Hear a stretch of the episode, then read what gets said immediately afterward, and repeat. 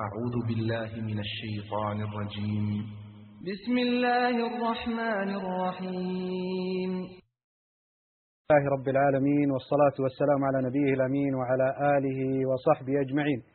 أعزائي المشاهدين ومشاهدات قناة وصال الفضائية. السلام عليكم ورحمة الله وبركاته. أهلا وسهلا وحياكم الله. مجددا في برنامجكم اليومي المتتابع عملاء إيران ماذا يريدون؟ نزولا لرغبة كثير من المشاهدين الذين شاهدونا بالأمس. ها نحن مجددا نستضيف فضيلة الشيخ الدكتور يوسف الأحمد أستاذ الدراسات الإسلامية بجامعة الإمام محمد بن سعود الإسلامية. فحياكم الله وأهلا وسهلا يا الشيخ الفضيل حياك الله وأهلا بكم بالمشاهدين وأنتم أحبتي في الله أحييكم مجددا ونتمنى أن نتواصل معكم على قناة وصال على الأرقام التي تظهر تباعا على شاشتكم شاشة قناة وصال. فأهلا وسهلا وحياكم الله مجددا. شيخي الكريم أحسن الله إليكم. هذه الليلة الثانية وأنتم معنا ونتشرف بهذا الوجود ونشكر لكم حضوركم وتعنيكم واستقطاع هذا الوقت. نسأل الله أن يجعله في موازين أعمالكم الصالحة وأن يثيبكم بما تقدمون وأن يجعل ما تقدمون نفعا للأمة الإسلامية ككل. إذا بدأنا شيخي الكريم هل الوضع الراهن الآن في الوطن العربي خاصة الوطن العربي خاصة. ماذا يرى أو ماذا يرى الدكتور يوسف الأحمد عن الوضع الراهن في العالم العربي وهذه الزوبعة التي اقتلعت من كبار رموز الدول العربية؟ تفضلوا شيخ الكريم. الحمد لله رب العالمين وصلى الله وسلم على نبينا محمد وعلى آله وصحبه أجمعين أما بعد. كان الحديث بالبارحة قد امتد طويلا. وكان الحديث عن البحرين كان مقدمة عن عن ليبيا. ثم امتد الحديث بعد ذلك عن البحرين وعن وضع البحرين وبعض القضايا الأساسية التي طرحت حول هذا الموضوع. ولعلي أن ألخص إن شئت. وخصوصا أن في هذا اللقاء اللقاء ممتد. وطويل ولله الحمد. فلعلي أن ألخص شيئا يعني خلاصة ما طرح البارحة في قضية البحرين. نقول أولا ما يتعلق أهم قضية في موضوع البحرين وأهم سبب في الرجوع في في في, في نجاة بلد البحرين ونجاة أهلها ونجاة حكامها في الدنيا والآخرة هو الالتزام بالإسلام والحكم بالشريعة. وهذا شرط لا بد منه للنجاة. والله جل وعلا يقول الذين إن مكناهم في الأرض أقاموا الصلاة وآتوا الزكاة وأمروا بالمعروف ونهوا عن المنكر ولله عاقبة الأمور. هذا شرط. أنت مكنت فيجب عليك ذلك. وذكرنا أيضا قول الله جل وعلا ومن لم يحكم بما أنزل الله فأولئك هم الكافرون. هذا مو بقول عالم ولا شخص ولا شخص تكفيري ولا لا. هذا قول الله جل وعلا والأمر عظيم. هذا التوحيد هذه العبادة هذا الاستسلام لأمر الله ليس فيه مجال للأخذ والرد. الناس يعني تستهين بهذا وتأتي بالدساتير هنا وهناك. ما المانع لدولة البحرين أن تأخذ مثلا أن تستفيد من النظام الأساسي للمملكة العربية السعودية وهو أن المرجع في ذلك هو الكتاب والسنة. وأنه هو مصدر النظام. الوحيد. هو الكتاب والسنة وأن الكتاب والسنة هما الحاكمان على النظام كله. فهذا منطلق أساس يجب أن تكون ثقافة بين أهل البحرين جميعا وأن ينادوا بذلك الاستسلام للشريعة وتطبيقها.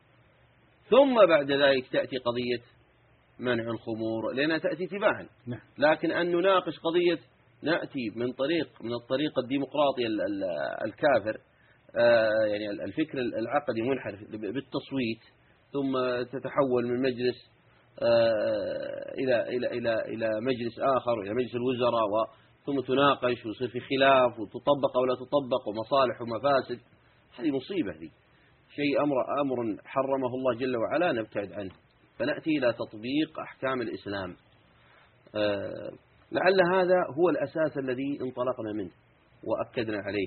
ويجب أن أن يتردد كثيرا. الجانب الآخر الذي طرح أيضا قضية الدعوة إلى الله سبحانه وتعالى دعوة أهل السنة لتطبيق أحكام الإسلام ودعوة أبناء الإمامية الاثنى عشرية وأن هذا من أعظم حقوقهم علينا دعوتهم. آه، فكثير منهم مقبل على الخير ويعلم أنه على باطل وعندهم بعضهم عنده شكوك وعنده تردد ويريد الخير. آه، لكن نحتاج إلى مد اليد ويحتاج هو أيضا وينبغي عليه أن يتخذ القرار في التمسك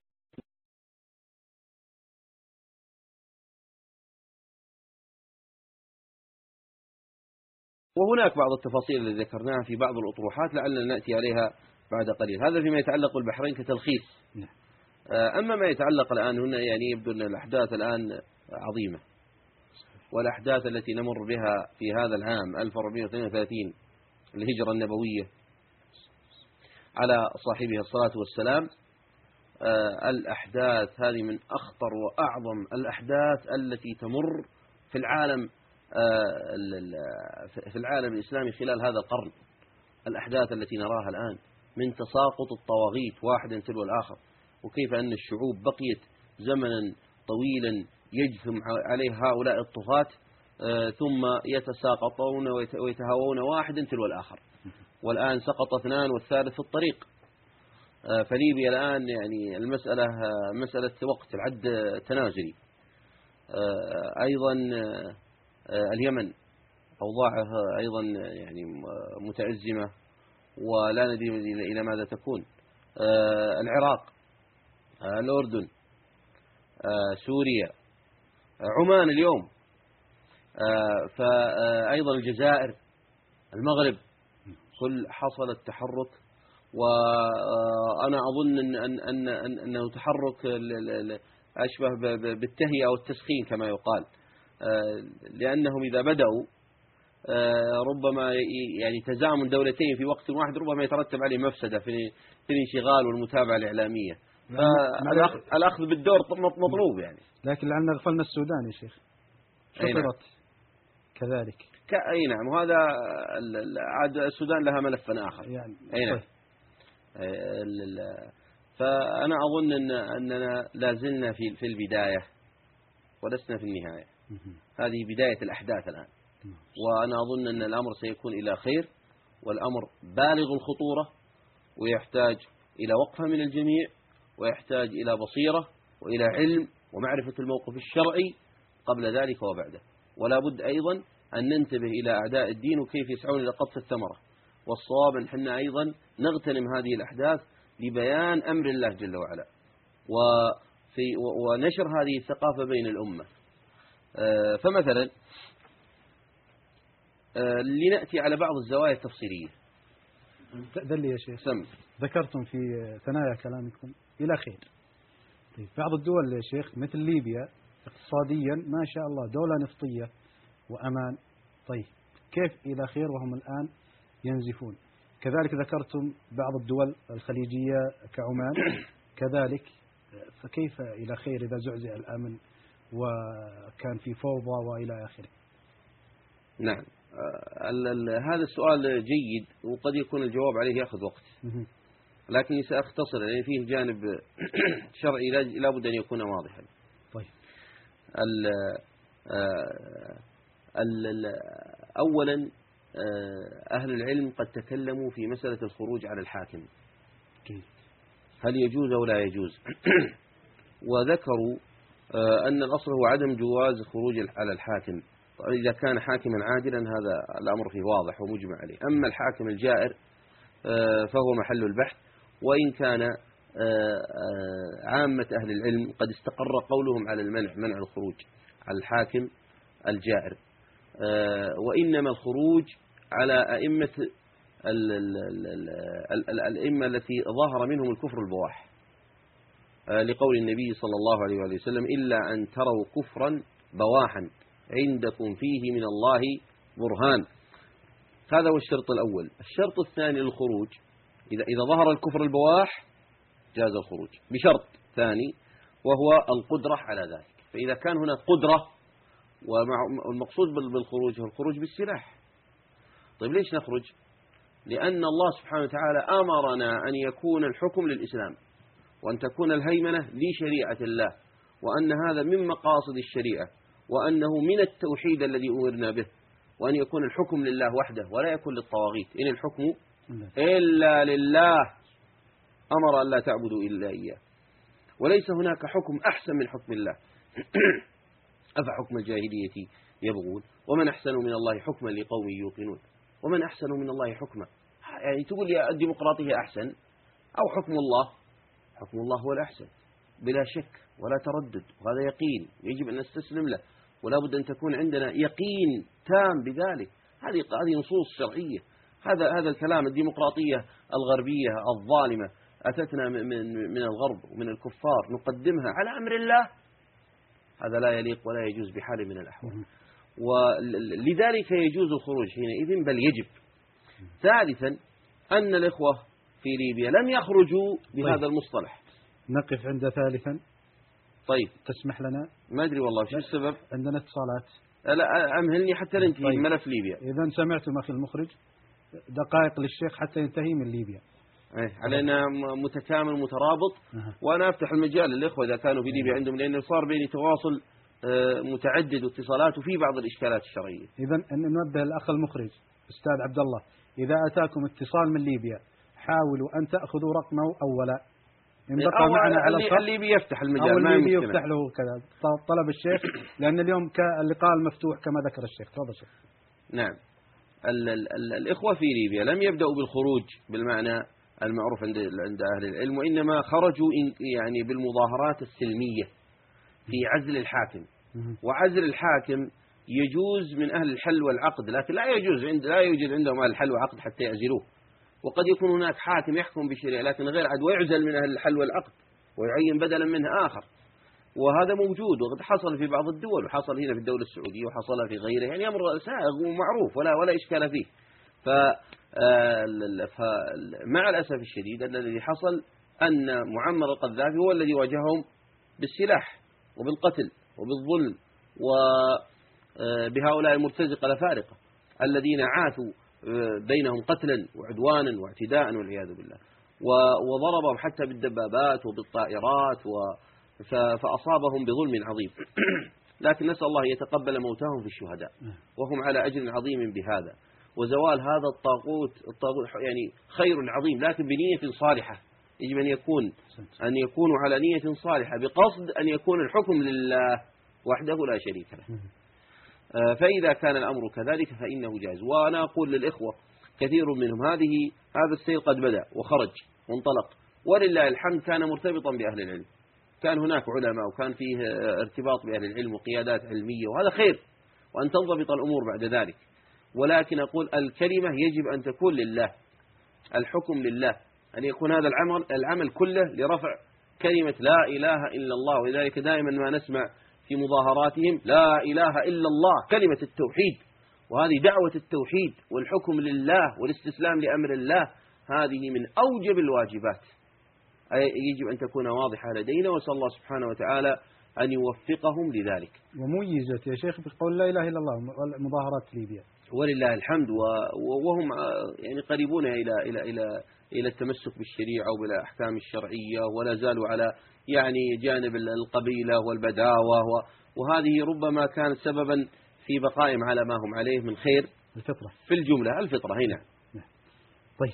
هذا ما يتعلق آه، بقضية ليبيا. طيب دعنا تم. ذكرتم أن من الشروط الخروج لكن هناك كان خروج لكن بدون سلاح خروج بالسلاح ذكرتم. أي نعم. طيب هناك الخروج بدون سلاح هل هنا يختلف الحكم. انتفى انتفى الشرط في الخروج على الحاكم؟ لا هو هنا مسألة ثانية مسألة المظاهرات موضوع آخر. هذه وسيلة للتعبير عن الرأي. طيب. هذه موضوع موضوع وسيلة من الوسائل. طيب إذا نتلقى والاتصالات سم. وتعذرنا في ذلك أي شكرا أبدا كريم. صراحة وإذا أوقفناك أو أبدا أبدا. إذا نتلقى والاتصال. من معنا يا أستاذ عبد الله؟ أبو خالد من البحرين. آه قطع الاتصال. في حسين من رفحة السلام عليكم ورحمة الله وبركاته. عليكم السلام ورحمة الله وبركاته. حيا الله يا حسين. الله يحييك. كيف حالك يا شيخ؟ خير الله يبارك فيك. آه، سؤال يا طول العمر آه، إحنا نحن نعلم أن الرافضة أغلبهم ولاءهم آه، لايران وهم يؤمنون جميعا بولاية الفقيه. فهذا شيء لا يختلف عليه إثنان. لكن السؤال يا شيخ آه، إيران وأمريكا معلوم أنهم ما سقطت بعض الدول الإسلامية إلا بخيانة إيران. فماذا تريد آه، أمريكا وماذا تجد من مصالح مع إيران؟ هل هي مصالح اقتصادية أم مصالح آه، دنيوية؟ يعني ما هو السبب؟ ماذا تريد آه، أمريكا من إيران؟ بإمكانها يعني أن تجد عميلا آخر. لكن يعني سؤالي هل هو مصالح دنيوية أم آه، محاولة القضاء على الإسلام أم كحرب النصرانية قد تكون؟ طيب. هذا سؤالي شكرا شكرا لك حسين من رفحة مع محمد من الرياض. السلام عليكم ورحمة الله وبركاته.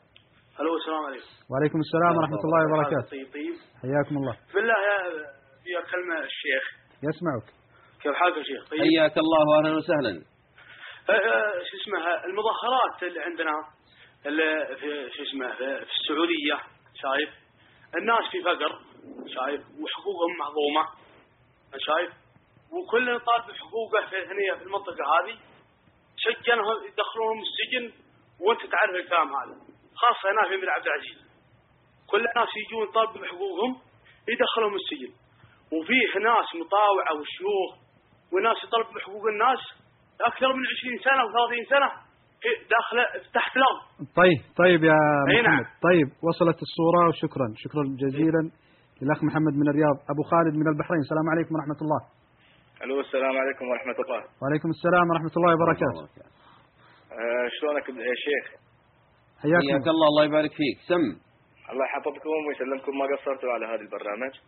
أنا باختصار شديد آه حبيت إني أنا ادخل في هذا البرنامج أتكلم. على على على- بس أنا حبيت أقول لكم إني أنا بعض الشيء مو بقادر أرتب المعلومات اللي عندي فبحاول قدر الإمكان إني أنا أتكلم. وأكون يعني آه، احب أحب إني أوصل الفكرة باللي أقدر عليه يعني. بس أنا حبيت أقول إن هذه المسرحيات اللي يقومون فيها الشيعة الروافض اللي في البحرين. هي مسرحيات مكشوفة. اللي يطلع لي كات آه، شو يسمونه ألوان ويمسح على جسمه واللي يطيح من فوق الشارع واللي يسوي راح منسدح واللي يقول لي الجهاد واللي هذه. هذا الكلام الفاضي المسرحيات ما تمشي علينا إحنا. هذه أنا ابى أقول لك أنا شيء يا شيخ. شيخ أنا إحنا الناس ال- ال- السنة اللي قاعدين يتصلون من أمس وكانوا يكلمونك. ما ترى على فكرة ما قاعدين علشان يقولون يقولون لك قصة. لا عشان نقول لك إحنا شيء واحد. طلعنا حق الملك إحنا كلنا في هذه المظاهرة. في ناس بعضها تقول 300 ألف. إحنا ما نتكلم عن العدد. أنا لو أقول 10000 لو أنا كنت بروحي والله واقسم بالله إن أنا سلاح. مو بكفو أنا ذلين يقدرون يوقفون قدامي أنا. لكني أنا أقول لك شيء واحد. ما دام أنا خاف الله قسما بالله ما حد يقدر يوقف قدامنا. وأنا أقول هذه رساله حق الشيعة كلهم. والله لتكالبت علينا الأمم كلها وأمريكا وكل دول ما حد يقدر علينا ما دام إحنا نذكر اسم الله. إحنا اللي إحنا إحنا اللي نحفظ إحنا اللي نحفظ القرآن. إحنا اللي خايفين على الدين. إحنا طلعنا علشان الملك. لأن هذه سنة النبي صلى الله عليه وسلم اللي إحنا خايفين عليه خايفين عليها في هاي الأرض. أنا الحين أرجف ودي لو أنا أطلع لهم الحين في الدوار هناك والله نسفهم نفس. لكن ما أبي أنا اتطور هاي الكلمات. خلي يعرفون إن إحنا لنا غضب ولا لنا حدود. وإحنا قاعد نحفظ حدودنا إلى اليوم. فكل شيء يسمعني أنا هناك قاعد في الدوار لازم يحترم نفسه ويعرف انه في شارع غضبان جدا. ولا بخايف ولا قاعد خايف من التفوهات اللي يتفوهون فيها. فيحترمون نفسهم ويتقون الله. ترى ما ما حد ينفعهم. أنا أقول لهم ما حد ينفعهم. والحوار له وقت. والحوار خلاص تمادوا فيه وهم قاعدين قاعدين يستهبلون يقولون إن إحنا خلاص إحنا ما نبي حوار. ما أي كلام سفيه واحد يقدر يتكلم. أنا أنا اناشد في نفس الوقت الآن عندي طلبين يا يا شيخ عندي طلبين الله يخليك. تفضل. أنا اناشد اولا العلماء. أو خلى أتكلم أول شيء خلى أقول مشايخ ال- ال- ال- المسلم ال- مشايخنا السنة اللي موجودين في البحرين لازم يجتمعون ولازم يتكلمون ولازم يتحاورون. اترك الحوار مع هال- هالسف الس- ال- ال- السفيه اللي يتكلم هناك مشينا اللي يبوه لنا من برا. هذا إنسان سفيه. أقسم بالله هذا حتى ما يقدر يتح- يتحاور مع طفل. الجبان يفكر إن إحنا نخاف من نخاف من اللي يتجمعون هناك لا.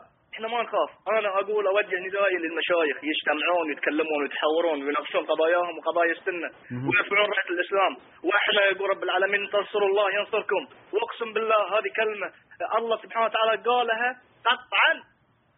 إن تنصروا الله ينصركم. ما في أي كلمة ثانية. مستحيل واحد يطلع عنها. فكيف هذه الناس اللي تفوه فكر نفكر إن إحنا قاعدين هنا قاعدين نستان مستانسين على الوقت. يا أخي أنا مظلوم. أنا إنسان بحريني. أنا مظلوم.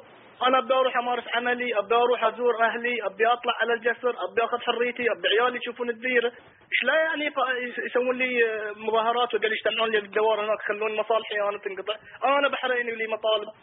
حالي حال أي بشر حالي حال أي فرد أنا في المجتمع. أنا طيب. أتكلم وادري إن في بحرينيين. طيب. الحين قاعدين نتكلم وهم غضبانين جدا. لكن أنا بعد بختصر عندي نقطة أخيرة. يا ليت واقول وأقول أنا بحاول أختصر بس هاي النقطة الأخيرة. معليش ما خذيت من وقتكم أنا أنا آسف. لكن أوجه كلمة ونداء. أول شيء أقول الله يحفظك يا أبو متعب. رجعت بالسلامة. ندعي لك إحنا إحنا ندعي لك لكني أنا أقول يا ملكنا ملك البحرين. اتق الله في إخواننا السنة اللي موجودين في البحرين اتق الله فينا. ترى إحنا لنا مطالب إحنا بنوقف وياك ولا بن ولا ولا بنرد. لكن إذا شافينا إحنا مزيد من من من من من التنازلات فأنا أدعي الملك عبد الله أبو متعب إنه يضغط على امير على ملكنا. يضغط عليه ويقول له إنه إذا زيت علينا المطالب والله إني إحنا ترى إحنا بنوقف مع المملكة العربية السعودية وإحنا اللي بنسلمكم إياه. وأنا أقولها لك. شكرا. شكرا يا أبا خالد. شكرا جزيلا. شكرا. ونقدر الحماس والحرقة التي ظاهرة من الصوت لكن نسأل الله أن يعجل آمين يا رب العالمين. طيب معنا الأخ أبو عبد الرحمن الرياض. السلام عليكم ورحمة الله وبركاته. وبركاته. عليكم السلام ورحمة الله وبركاته. آه، شيخ الفاضل أنا كنت بس أحببت أركز على مسألتين سريعا. الأولى في حديث الشيخ أمس عن الدكتور طارق. نعم. قد يكون الدكت- الدكتور طارق آه، ضحية الكذب المتواصل من قبل آه، الإعلام الشيعي ويعني محاولتهم أنهم يطلعون على أنهم أغلبية لأن كل الكلام اللي بناه يعني بخلاف أي- أيضا اللي هو الخطأ الشرعي في قضية الديمقراطية إلا أنه كان يعني بني على أساس أنهم هم الأغلبية. وهذا يخليني أنطلق للنقطة, للنقطة الثانية وهي أهل السنة أن ما حك جلدك مثل آه، ظفرك فمن الواجب عليهم أن يبادروا هم لفتح جمعيات ولإحقاق الحق. بحيث إذا من إذا أي قناة قالت أن الأغلبية الشيعية في البحرين تعطيها توضيح تعطيها تنبيه تكرر كما يكرر الشيعة أن السنة هم الأكثر وتصحح كل. يعني المعلومات الخاطئة وتلقي الضوء على المكتسبات اللي يحصل عليها الشيعة. وهم اليوم يأخذون ويطالبون فالمطلوب حقيقة على أهل السنة طيب أهل طيب السنة يجب أن يتحركوا في هذه الجزئية ولنعلم حتى وإن كان بعض الناس قادة أو رموز مثل السويدان. إلا أنهم أحيانا يكونون ضحايا آه، يعني أنا أسميه أحيانا آه، يعني جهل بسبب كثرة الطرح الإعلامي طيب. لفئة أقل وشكرا لك. شكرا شكرا يا أبو عبد الرحمن من الرياض. ولا أعتقد أن هناك دك- دكتور طارق أن يجهل هذه المعلومات آه، الواضحة يعني. طيب آه، بقي شيء أم نعود إلى محاور لا تعليقا؟ على طيب. كلام المتصلين شيخ. طيب إذا نبدأ بالأخ بالأخير. آه، بالأخير. أبو عبد أبو عبد الرحمن من أبو الرياض. عبد الرحمن جزاه الله خير. تحدث عن الدكتور عن حديثك مع الدكتور عن الدكتور السويدان. أي نعم. بالبارحة غير أنه كان ضحية للكذب. هو. يقول ال- ال- الكذب المقصود به. آه، كلام صحيح نعم. هو يقول آه، أن أن السويدان بدأ آه، بنى قاعدته في تأييد المظاهرة وإسقاط النظام لأن الرافضة هم الأغلبية نعم. في في إيران. ويقول هذه البحرين. المعلومة البحرين. في عفوا في في البحرين. فيقول هذه المعلومة غير صحيحة. وأن الصواب أن أهل السنة هم 52% نعم. بينما الرافضة آه، 47 و- وواحد من ديانات أخرى آه، هذا هذا الذي ذكره يعني. فيقول هو ضحية. وإن كان رجلا مفترضا لا يكون ضحية لمعلومات غير صحيحة. وإن كان هناك خلل عنده آخر وهو قضية آه، الحكم بغير الشريعة. نعم. فنقول هذه هذا جانب مهم آه، كمعلومات وهي نشرها وبيانها وتوضيحها وتقويتها و- وتعزيزها من خلال عمل مؤسسات ودراسات أفضل هو أمر مهم. لكن هو جانب وأشار إليه الأخ المداخل أبو عبد الرحمن جزاه الله خير إلى أن المشكلة العظمى الكبرى ليست في هذا.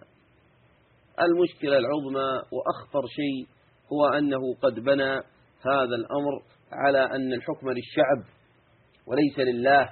بعض الناس يقول ما قال لله؟ لا قال هو الحكم للشعب وليس لغيره. أي على أي دين كان وعلى أي اعتقاد كان وعلى أي طائفة كان الشعب أراد الكفر أراد الضلال أراد الشيوعية أراد نقول لا هذا هذا كفر الله جل وعلا هذا في في آراء الناس ممكن يكون سليم لكن أنا ما أقدم عقلي على النص والدين ولو ليس قدم بالهوى. رأيي نعم. على النص كثير من الناس وده أن أن الناس يفطروا في نهار رمضان النفس تتوق إلى ذلك صحيح. لكن الشرع حرمه والنفس تتوق أحيانا مثلا شرب الخمر لكن الشرع حرمه. آه، إلى آه، أماكن اللهو والرقص والمجون وسماع الحرام لكن الشرع حرمه. فنحن نلتزم بشريعة الله جل وعلا. آه، ولذلك ما ننخدع ب- ب- ولذلك التأثر والانهزامية هي ال- هي التي تجعل كثير من الناس ينهزمون ويضعفون ولا يستطيعون أن يواجهوا هذا الضغط بسبب الانهزامية. فيقدمون ما عليه الدول الغربية في واقعنا ويخضعون النصوص لتكون منسجمة مع الواقع الغربي. وهذا ما حصل. يعني مع. الأسف نعم. الطرح كان يعني كان مزعجا الدكتور أننا ناقشناه بالأمس لكن الطرح كان فيه علو وتحقير لآراء الآخرين والمخالفين واستبداد. وحتى يعني هو كما قيل يعني في اعتذاره قال إن الذي خالفوني هم قلة من البحرين وليسوا على غالبهم فالغالب هم على خلق. لا ما هو صحيح. البحرين كلهم من أهل السنة رفضوا كلامه. حتى هذه أنت لا تقع في يعني في طريقة بعض الحكام في الاستبداد حتى في الرأي وفرض هذا الرأي على الآخرين. صحيح. وحنا نشاهد البحرين الآن في كل وسائل الإعلام يتتابعون على ذلك حتى من هم على يعني على خط وعلى قناعة آه، بما يريد. وأن اعتذاره ليس باعتذار صحيح لأن اعتذاره قال إنه قد أسيء فهم كلامه وإلا هو مقر على ما يقول وعلى القاعدة التي انطلق منها وهي الأخطر وما كنا لنتحدث بهذا الكلام ولا نأتي بالحديث عنه ولا بقوله إلا لما استغل أعداء الدين من الإيرانيين والقنوات الرافضية في الطعن في أهل السنة والجماعة وانتصر بها الرافضة انتصروا بكلامه وقد نصرهم نصرا واضحا بينا فالكلام بالغ الخطورة وقلنا إن النقاش نقاش علمي وشرعي لما قال وليس متعلقا بشخصه. نعم. طيب. لعلي أقف عند هذه النقطة التي طرحها عبد الرحمن من الرياض. يعني هل هل نتوقع أن كالدكتور طارق السويدان أن أن يظهر بهذا التصريح وبهذا البيان دون أن أن يتوقع عواقبه؟ أو مثلا ألا يجمع مثلا بعض النقاط المهمة أو المعلومات التي يرتكز عليها حتى يصدر مثل هذا البيان الخطير في هذا الوقت الحرج؟ آه، هذه أمور هي إليه. يعني لا لا أعلم عنها. لكن نحن نناقش ما قال. آه، وما قاله خطير واللغة التي تحدث بها في تحقير آراء المخالفين.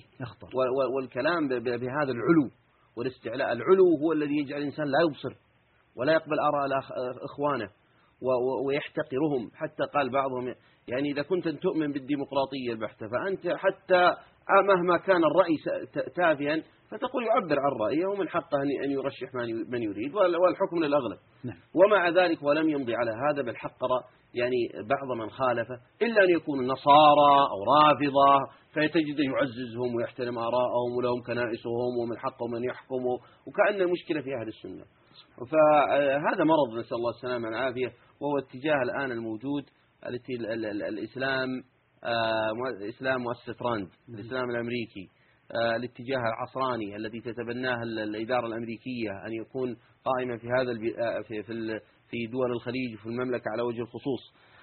وهو الآن يسير في هذا الطريق وينفذ هذه الأجندة وهو لا يشعر هو مقتنع. لكن آه، ال- ال- المصيبة في هذا المنهج نسأل الله السلامة والعافية وأن يرده إلى الحق.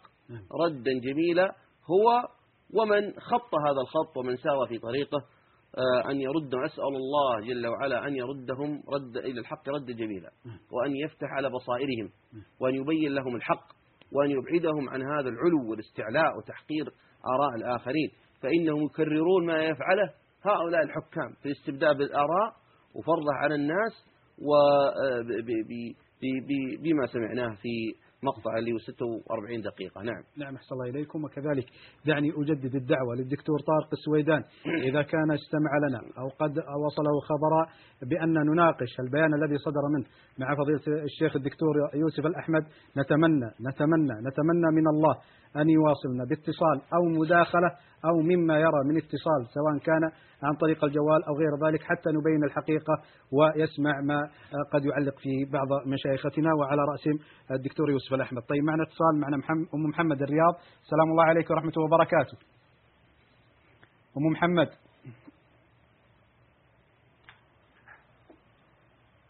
أم محمد. السلام عليكم. وعليكم السلام ورحمة الله وبركاته. آه، أختي أنا بس بتكلم بالنسبة للي صار يعني المظاهرات اللي طلعت في البحرين. عند الحكومة للأسف يعني تنازلت وقد وأرضتهم وقدم لهم شيء يعني أنا أستغرب يعني حتى أنها غيرت وزراء وحطت يعني أكثر من السنة شيعة. أنا قاعدة أتساءل الحين أتمنى أنه إذا بكرة سووا نفس الشيء عندنا وهذا اللي هم يرتبون هالموضوع ما أدري يمكن سووها وبدوا أو ما بدوا لكنهم ناويين في الشرقية وهالشيء معروف الحين بيسووا مظاهرات الروافض. أتمنى إن الحكومة ما ما تستجيب لهم مثل ما استجابت لهم الحكومة البحرينية. أتمنى إنها ما ما تقدم لهم أي تنازلات ولا نعم. تقدم لهم أي شيء مثل ما سوت الحكومة آه، طيب طيب يا ام محمد. وحنا نعرف إن نسبة الروافض عندنا ولا شيء بالنسبة لأهل السنة. طيب. لأن فعلا تنازلهم بيسوي فوق لأن حتى أهل السنة ما هم راضين بهالشيء. طيب شكرا شكرا طيب شكرا يا محمد. وصلت الصورة. أبو عمار من مكة. رائع طيب. طيب شيخ الكريم نرجع كما ذكرتم للأخ أبو عبد الرحمن من الرياض. انتهيت من أبو عبد الرحمن باقي ما زال خالد ما زال شق آخر يا شيخ إنه ذكر بما أنه يعني الآن أهل السنة في وكأنه يقول أو كأني فهمت من سؤاله لماذا لا يكون هناك من أهل السنة في البحرين مركز إعلامي يجتمعون اولا أهل السنة؟ أهل السنة يجتمعون وينشئون مركز إعلامي لتصحيح بعض المعلومات التي قد تصدر ويكونون مصدر معلومات صحيحة سواء لسين من الناس أو صاد من الناس. نعم علقت على هذا وذكرت. هذا هذا كلام جيد يعني لقطع الطريق على على الدعوة أنهم لأنهم دائما يعطون إحصائيات غير صحيحة. طيب. وأنهم هم الأكثر في العراق وأنهم هم الأكثر في المنطقة الشرقية وأنهم هم الأكثر في السعودية وأنهم الأكثر في البحرين وأنهم وأن نسبهم كذا في في في في اليمن وفي لبنان وفي آه، إيران مع وإحصائياتهم غير صحيحة صحيح. ومبالغ فيها فمثل هذه المراكز تعطي قراءة صحيحة هناك قصور قصور من أهل السنة في هذا الجانب. هذا يعني هو تنبيهه ودعوته طيبة يعني هذا بلا شك. نعم. نعم. ولذلك ندعو إليه كذلك طيب الأخ حسين من رفحة ذكر أن الرافضة لا شك في ولائهم لإيران وارتمائهم وأن أجسادهم آه، في أوطانهم وقلوبهم وعقولهم في قم أو ما غير ذلك من آه، الحوزات التي يدعون أنها آه، علمية عندهم. ولكن يسأل إيران وأمريكا هذا التقارب هذا التقارب الذي يظهر بيانا عيانا بيانا مثل ما يقولون. ما هي المصلحة لأمريكا في الارتماء آه، في أحضان إيران والعكس كذلك صحيح؟ آه، أمريكا هي تعمل مع من يحقق لها مصالحها. نعم. وهي توازن بين المصالح والمفاسد. طيب حتى عندنا نحقق مصالح أمريكا. نعم لا آه، ولذلك هم وجدوا أنهم أن هناك مصالح يعني في تقاطع مصالح بينهم وبين إيران. فيلتقون. في على العداء لأهل السنة مثلا والمسلمين. هم أيضا في في في العراق. رجحوا كفة الرافضة على أهل السنة. ووجدوا أن الرافضة أفضل لهم من السنة ولاء ورأوا لذلك يعني وإن كان هناك بينهم في جانب عدائي لا. العراق وما سقطت إيران آه. آه، عفوا أفغانستان إلا بعمل إيران وخيانات إيران. و, و يعني ومكرهم بالمسلمين هنا وهناك. وهذا باعترافهم هم الاعتراف الرسمي يعني. ف فهذه فأمريكا وجدت أن هؤلاء أفضل لهم. كيف هم أفضل؟ نعم. ومن أبرز ما يميزهم عن غيرهم أنهم أولا ليس لهم مطامع في في فلسطين. يعني كأهل السنة والجماعة وهذه نقطة أساسية وجوهرية بالنسبة لهم. وأيضا الجانب الثاني في الذي يميز الرافض عن أهل السنة آه، عند أمريكا ويفضلونهم عليهم ويختارونهم آه، هو مسألة المرجعيات. نعم. آه، فإيران الرافضي يتبع مرجعه ولذلك هم يتعاملون مثلا مع السيستاني ونفس أمريكا يتعاقدون معه هذا أمر مكشوف ومفضوح ومكتوب ومرئي ومعلن. مسألة يعني ما هي بسر ولا من وراء الكواليس بل أمر مكشوف وأموال طائلة مدفوعة ويعرفون أن هذا الشخص خلاص من خلاله يتبعه الملايين وبخلاف أهل السنة الذين يصعب السيطرة عليهم فهذا لا شك أنه مقدم. وهناك أيضا جانب آخر وقضية لماذا يتبعون أصلا؟ وذلك يعني أشير في في كلام الأخ اللي من رفحة و- وغيره في قضية التبعية والولاء إلى إيران. هم يرون أن أن هذه دين وأن آه، علي خامنئي هذا هو صاحب ولاية الفقيه. يعني هو هو الذي يقوم الآن آه، بديلا عن الإمام المهدي. هو صاحب الزمان بديلا عن صاحب الزمان. آه، ولذلك ال- ال- الولاية والبيعة والتبعية والطاعة له أيا كانت جنسيته. وهناك مرجعيات عاد تفصيلية فيما يتعلق بالأحكام التي يستفتون فيها ونحو ذلك. وإن كان أيضا بينهم من الخلاف والعداء الداخلي الشيء الكثير نسأل الله السلامة والعافية. لكن هذا الذي يجعل يعني آه، هذا النوع من التدين وال- والعبادة الباطلة في الرجوع إلى الشخص وليس الرجوع إلى الكتاب والسنة. وهذا الذي يجعلهم يرتبطون به. كيف مستشفى كامل من أطباء آه، من أبناء هذا المذهب الإمامي 12 أطباء على مستوى عالي جدا. يعني من من ال- العمل المهني ال- ال- الذي يخدم الناس ويعني درسوا وتعلموا وفهموا ثم يكون هو وأقل إنسان متخلف آه، سواء لأنه تبعه. الجانب الطبي شيء لكنه يتبع مرجعه ولا يمكن أن يخالف. وكل الأطباء خط واحد وكل ال- طبيب ولا يبيع خضرة في ال- في في السوق وفي الشارع في البحرين سواء هو إمامي اثنى عشري هو تبع. يسمع الكلام ولا يحضره. طيب والناس؟ وحاجة الناس والعلاج والتعليم يتضررون لا يتضررون. له رأي عنده قناعة له وجهة نظر ما لها قيمة. اتبع المرجع واسمع وأطع. ولذلك أمريكا لما تتعامل مع هذه الفئة فالتعامل معها أسهل. نعم. ومع ذلك أيضا بينهم انقسامات بين قياداتهم وبين. مرجعياتهم نسأل الله سبحانه وتعالى أن أن يزيدها. وأن وأن يردهم جميعا. بإذن الله. إلى الحق. وندعوهم بإذن الله. إلى الإسلام الحق والدين الحق. نعم ولعلنا نعود إلى محور يتعلق بالمرجعيات سواء كان في قم أم النجف أو كربلاء وغير ذلك. طيب معنا الأخ أبو عبد الله من البحرين. السلام عليكم ورحمة الله. السلام ورحمة الله وبركاته. حياك الله. أرحب بالمشايخ الكرام. حبيت أأكد على الجماعة بس أن إحنا واقفين مع ملكنا لآخر لحظة إن شاء الله. ولكن أوضح نقطة تفضل. أن الشعب البحريني السني وبعد التصريحات اللي طلعت على تعليق بعض الوزراء. إحباط الشارع إحباط والناس كلها كلها يعني مو بعارفة شو تقول؟ أنت سمعت اتصالات البحرين؟ نعم. هذيان الناس ما تعرف شنو تتكلم. تصف كلام قبل لا تتصل وآخر شيء مو عارفه شنو تقول في التلفون. وأوضح ان إحنا يوم طلعنا في المسجد الفاتح حبينا ن- ن- نوصل صورة إن الشعب البحريني كله واقف مع القيادة واقف مع القيادة لآخر لحظة إن شاء الله. ولكن بعد التصريحات اضعفت أضعفت القوة عندنا وبصراحة نلقي حل مع اللي يصير في البحرين. نحن أهل السنة أن- يعني لأي درجة نزلنا الله أعلم ونقول الله كريم. السلام عليكم. جزاك الله وعليكم السلام ورحمة الله وبركاته. شكرا. شكرا يا أبو عبد الله من البحرين. معنا الأخ علي من البحرين. السلام عليكم ورحمة الله. السلام عليكم يا شيخ. وعليكم السلام ورحمة الله وبركاته. كيف حالك يا شيخ؟ يا هلا والله أهلا وسهلا. أنا شاكر لكم على قناة وصال. شكر عظيم من أهل البحرين.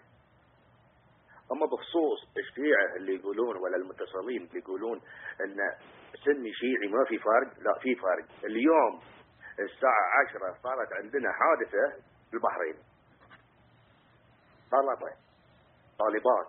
معنى صح. طالبات سن ما يتعاود 30 31 طالبة. زين. في مد- في منطقة منطقة الروافض. واهتدوا عليهم الطلبة زائد ال- اللي إحنا نسميهم عندنا الفراشات. واهتدوا عليهم صح. لو ما طلعوا اقتلوه هذا اللي يقولون واللي يتحدثون عندنا في البحرين انه ما في أقول يا شيخ. يعني بيقولون ما في فرق. إحنا إخوان نعم إحنا إخوان. أنا عندي في العمل هو ناس من الشيعة ما براضيين ويقولون كلمة حق. والكثير منهم اللي يأيد. سأله أنت رايح الدوار ليش؟ والله رايح مع الجماعة. نبي آه، في في الو- آه، في البحرين. أوكي تبي اصلاح في البحرين بس شنو الهدف اللي أنت رايح له؟ ما أدري أنا وياهم. يعني حتى هم الجماعة اللي موجودين في الدوار شنو المطالب؟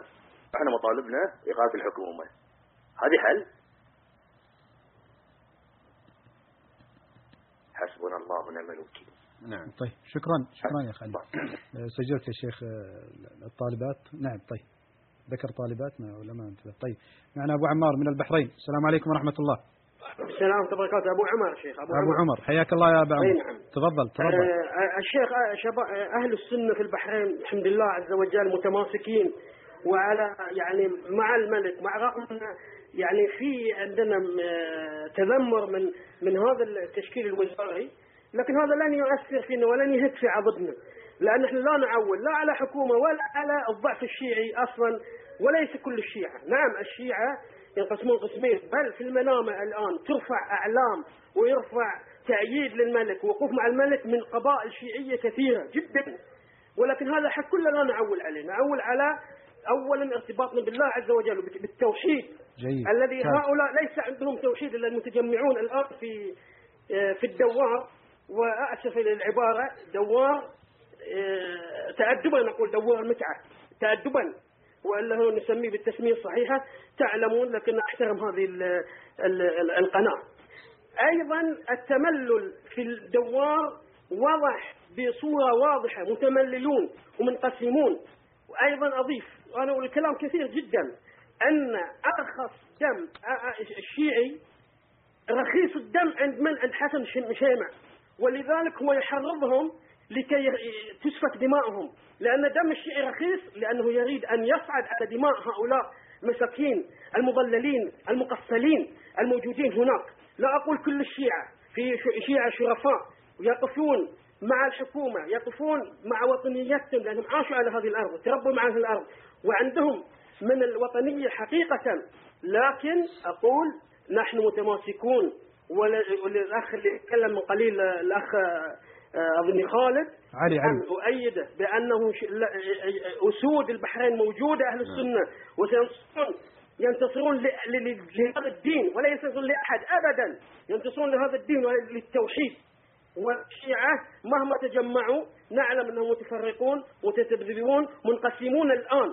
يا ليتهم يسمعون. لو كانوا يسمعون هذه القنوات التي تريد لهم الخير والرجوع إلى الحق لن أنقذوا أنفسهم لأن سن يتخلى عنهم وأوصي الحكومة أنه من من غدا الذي لن لن يقوم بواجبه يفصل. هذا قانون موجود.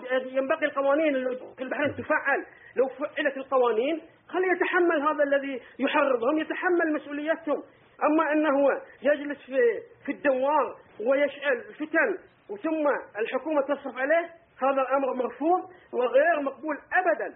نقول كل كل ب- إذا يأتي لعمله يداوم يقوم بواجب ال- الواجب اللي ينبغي هذا العمل الشريف سواء في التدريس أو في الطب وكذا نعم يكرم ويعزز وإلا يفصل. أنا أقول في قوانين تقول الذي يشارك في الضغط يفصل. يفصل وليش الحكومة تضعف إذا فصلت هؤلاء؟ هذا قانون يطبق وهي دولة القانون. ونحن مع آه، نعم مع الملك في هذه في النظام الصحيح معه على الطريق الصحيح. أيضا قضية إيقاف الفساد هذه مطالبة وأنا أتعجب لماذا التأخير. سيأتي إيقاف هذا الفساد من الخمور وغيره؟ سيأتي سيأتي. ولكن أقول لماذا التأخير؟ إذا أراد الملك مسيرة مثل مسيرة الاثنين وأكثر فلينفذ هذه الأمور. الآن الليلة قبل أيام يصدر مرسوم بمنع الخمور في البحرين. وسيجري المسيرة إن شاء الله بإذن تعالى.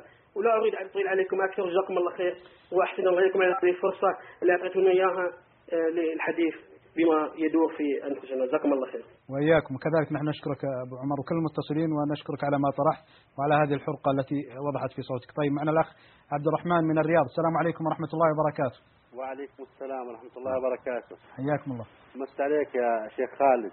الله يحييكم. الدكتور الحبيب الأستاذ يوسف.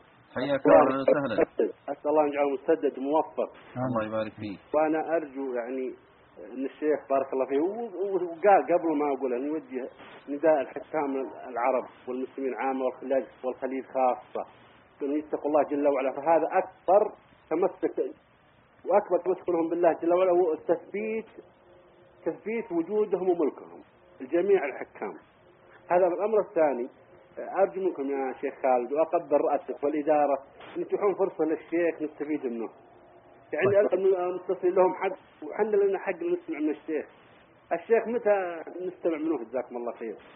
طيب. الله يوفقك يا شيخ خالد يا شيخ يوسف. الله يبارك فيك. الله. يرفع قدرك ويعلي ويع- ويرفع صوتك ويجعلها خاصة بالله جل, جل وعلا. طيب. بارك الله فيكم جميعا يا شيخ. وفيكم بارك يا أخ عبد شكرا لك عبد الرحمن من الرياض ولعل على هذا النداء أن يعدنا الشيخ بحلقة ثالثة بإذن الله حتى يستمع لها الكثير والكثير بإذن الله. طيب أم علي من الرياض السلام عليكم ورحمة الله وبركاته. وعليكم السلام ورحمة الله وبركاته.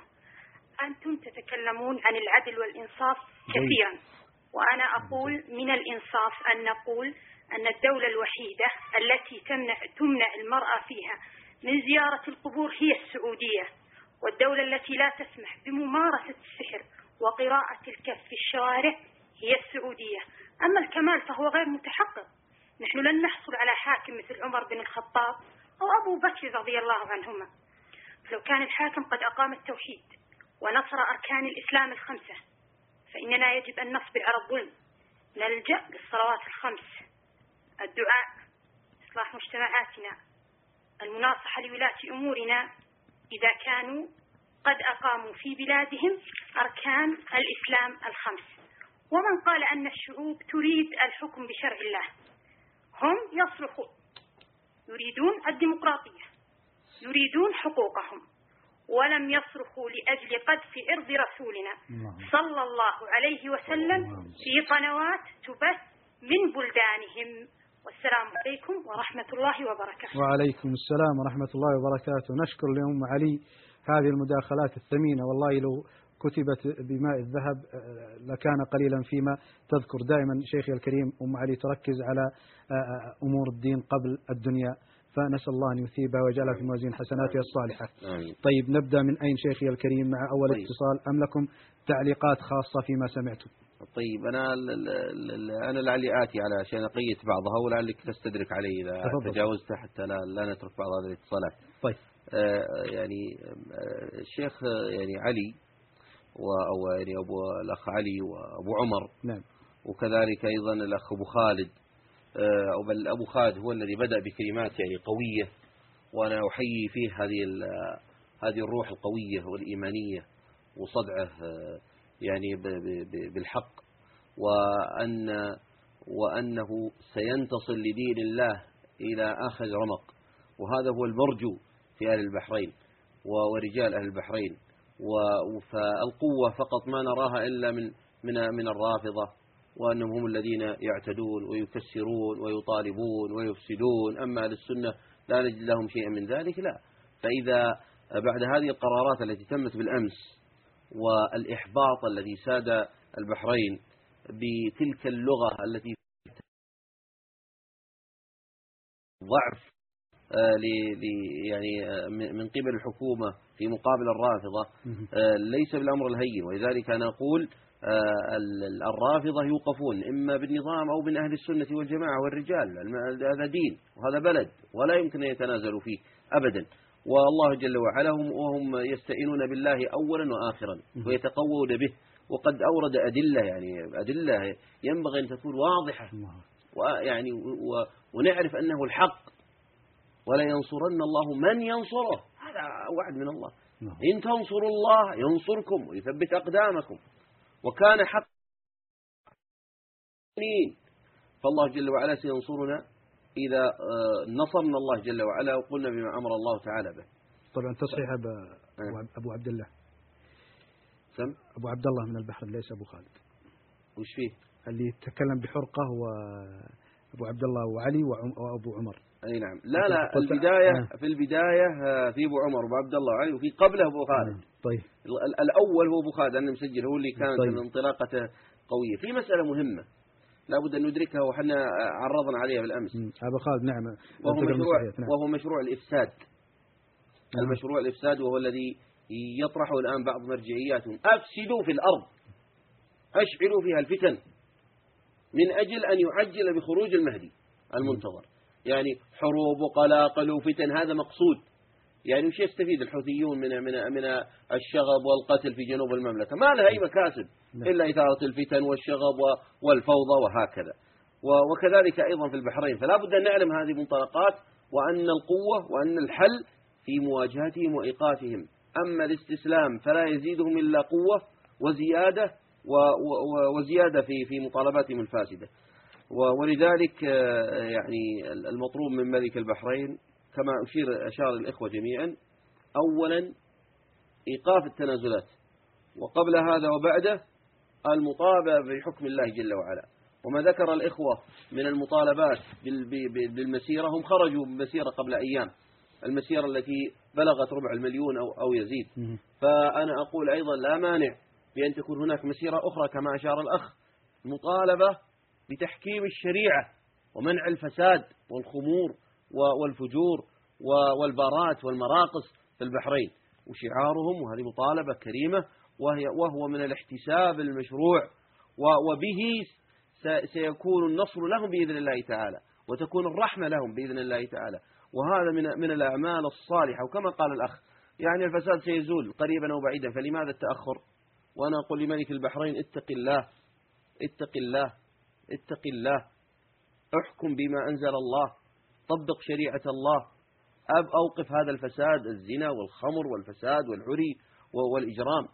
آه، ولا بد أن يكون قرارا عاجلا. هذا أمر من الله جل وعلا. الناس الآن يقولون والله هذا أمر ملكي ولا أمر عسكري. نفذ في قانون نفذ. هذا فوق هذا كله. هذا أمر الله. هو الذي أمرك. يجب أنك تستجيب. ليس لك حق في الخيار. ما مسألة وجهة نظر وآراء تدرس وتناقش نعيد في النظر نجتمع لجان نناقش نسمع الآراء. أسمع وأطع. أمرك أن تصلي يجب عليك أنك تصلي. أمرك أنك تحكم بالشريعة يجب أن تحكم بالشريعة. ثانيا هذه ليست من الواجبات التي هذه من الواجبات من أعظم واجبات الشريعة. ومن لم يحكم بما أنزل الله فأولئك هم الكافرون. هذه النتيجة الخطيرة وليس لأحد في ذلك خيار. وحنا يعني أكثرنا من ذكر الأدلة في هذا الباب يعني في في يعني هذا اليوم وفي لقاء البارحة. فأرجو أن تكون الرسالة قد وصلت وأن أن يتتابع أهل البحرين على بذل ما ما ما ينجيهم في الدنيا وفي الآخرة. نعم. وهو النهي عن هذا الفساد والمطالبة بأمر الله جل وعلا.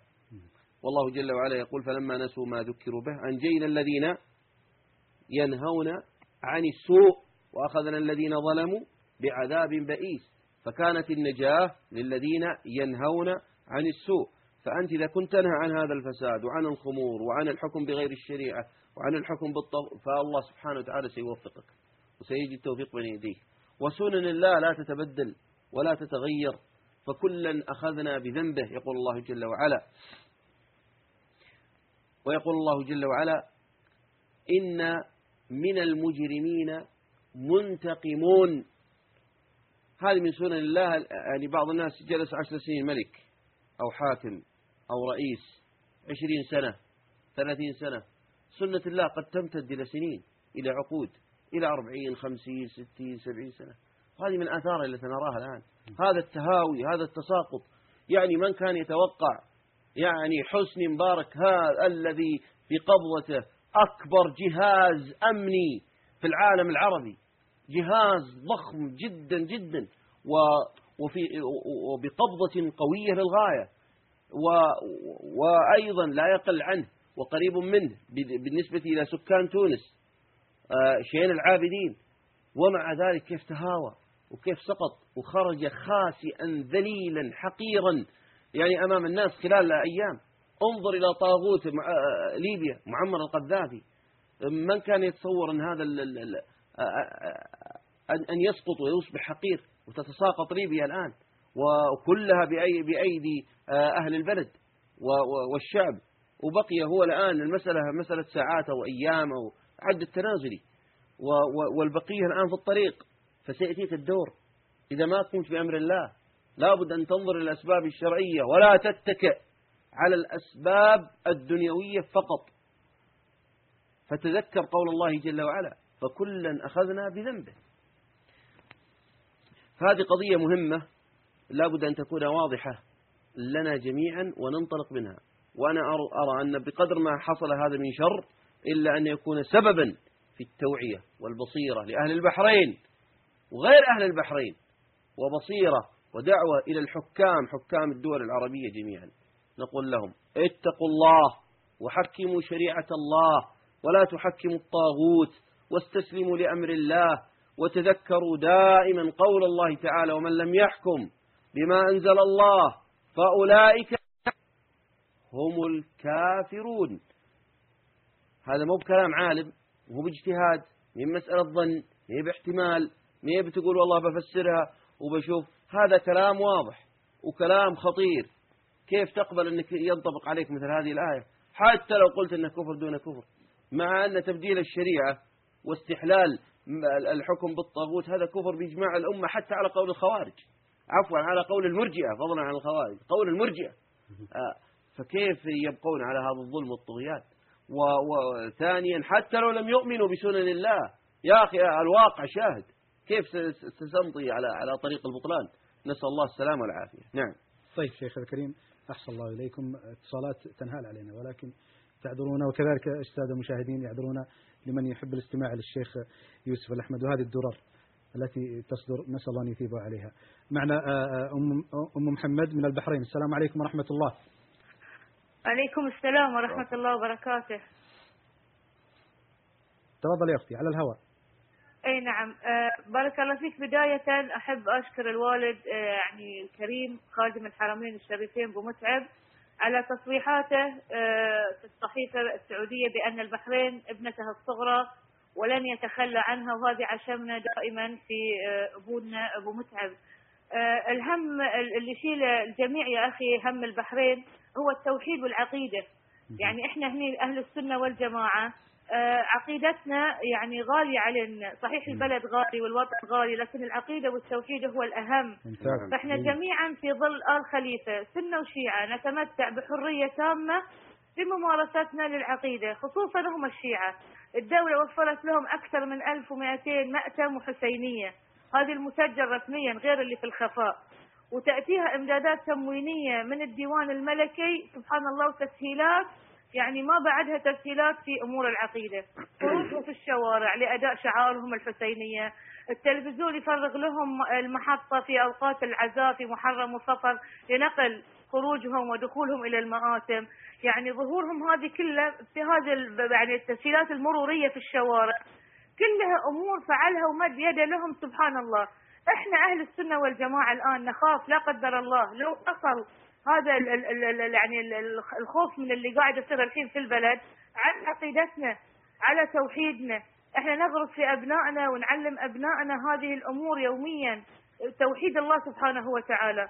كيف راح تكون حالنا في في في تحت يدهم؟ وين صلاة التراويح؟ وين صلاة الجمعة والجماعات؟ وين صلاة العيد؟ الصلاة عموما الأذان. إحنا عندنا نسمعهم هني ثلاثة مرات فقط في اليوم. يعني مراكز التحفيظ عموم مساجدنا. كيف راح يكون هذا الوضع. يعني هاي اللي إحنا نتخوف منه. وبالنسبة يا أخي إلى ردة الفعل من أهل السنة اللي حدثت يعني أمس وأنا واحدة من اللي كلمتك وإن إحنا بكيف يعني بحرقة على القرارات اللي صادرة وللتصحيح ما كانوا ثلاثة يعني وزراء شيعة مقابل ثلاثة سنة. وقيل أربعة من وزراء السنة في منهم من يسمى يعني وزارة تأزيم وفي منهم خمسة شيعة وضعوا بدلهم. فعلا صدمنا لهاي قرارات الملك لكن فضيلة الشيخ الله يبارك في يوسف الأحمد وضح لنا عن صلح الحديبية وكيف كان رد فعل الصحابة في البداية وبعدين كيف كان صلح الحديبية ردة خير وإيجابية على الدعوة الإسلامية. فإحنا نقول حاكمنا له نظرة يمكن مستقبلية حاكمنا له حنكة سياسية إحنا عامة الشعب ما نعرفها لكن نقول إن الله يعينه. إحنا الحين بحمد الله ما زلنا ملتفين حوله وما زال الولاء له وللأسرة الحاكمة ولن يستطيع الشيعة في الدوار أو غير الدوار تفريق صفوفنا بالإشاعات اللي يظهرونها في الرسائل أو في على الهواتف أو في قنواتهم الفضائية. من زعزعة الصفوف الإسلامية من أهل السنة بقرارات الملك إحنا ما زلنا ولله الحمد. صفوفنا. كلمة واحدة تحت كلمة لا إله إلا الله محمد رسول الله. يطبقها ملكنا. وإحنا إن شاء الله خلفه ومن وراء. نسأل أنه هو يعني قدراته ما راح يفرط فينا ولا في حقوقنا. ندعو له بالتوفيق والسداد. وإن الله سبحانه وتعالى يثبته ويثبت من معاه من وزرائه المخلصين. ومن الشعب البحرين المخلص. إن إحنا إن شاء الله نعدي هذه الأزمة. ويا رب إن شاء الله إن يعني إحنا في هذه الأيام الطيبة نحن نؤدي هذه العز... الأزمة بقوة وبثبات ونخرج منها أقوى من ما كنا وحصلنا على أمور ما كنا نحلم فيها في السابق. وحدة الصف وحدة الكلمة وهذه نكسب لنا ولله الحمد. جزاكم الله كل خير. وأشكر قناة وصال على إتاحة الفرصة لنا دائما عشان نتكلم ونقول كلمة الحج. بارك الله فيكم. ونحن كذلك نشكركم محمد على اتصالك ومواصلتك ما شاء الله اتصالاتك يوميا تقريبا أو ليليا. معنا ما زال الأخ فوزان الرياض. السلام عليكم ورحمة الله. السلام عليكم. وعليكم السلام ورحمة الله وبركاته. أحييك وأحيي ضيف الشيخ يوسف.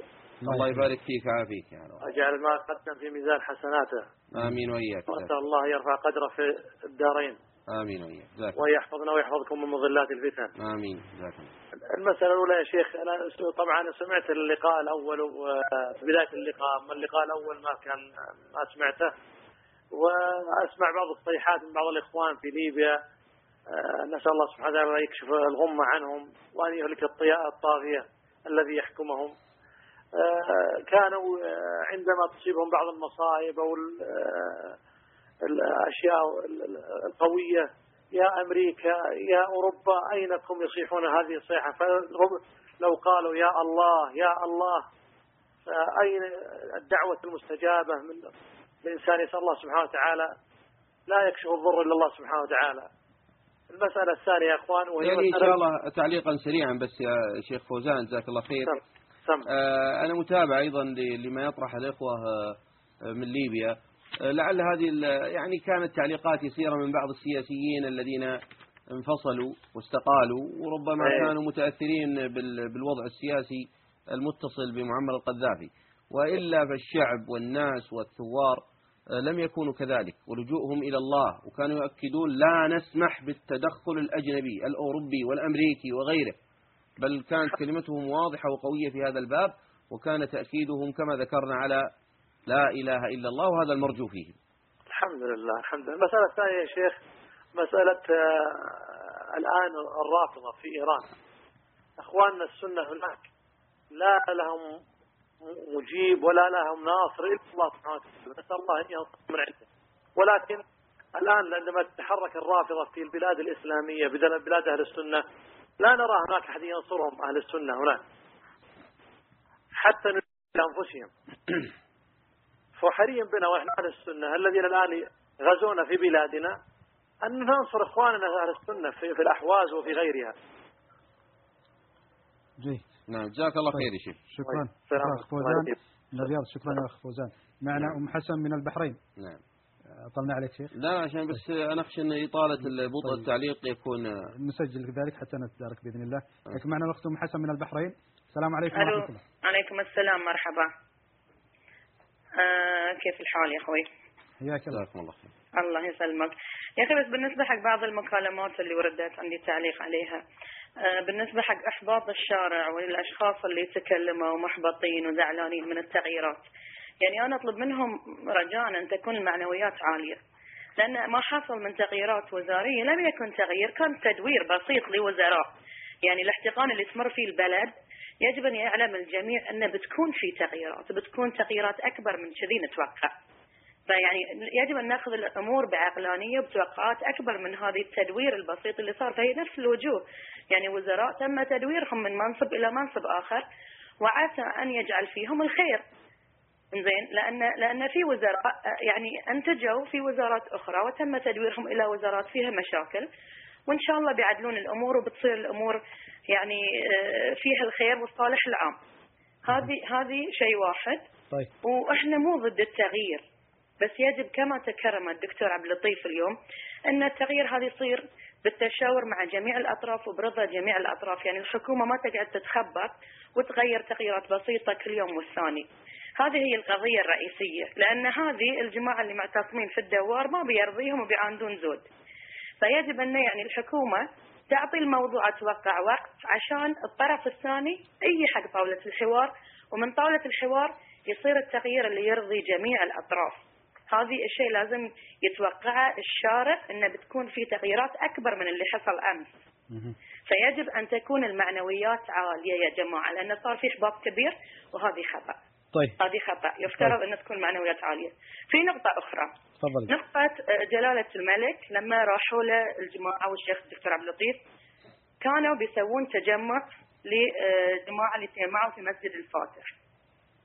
وتم التوجيه بأن هذه التجمع يعني ي- إنه ما يصير. إحنا يجب أن نوزن المميزات والإيجابيات والسلبيات لهذه التجمع. هذه التجمع بيزيد في لحمتنا. إحنا ما عندنا تجمعات. الأخوان في الدوار عندهم المآتم وعندهم كل شيء يتجمعون على مدار السنة مما يجعل لهم كلمة وصوت.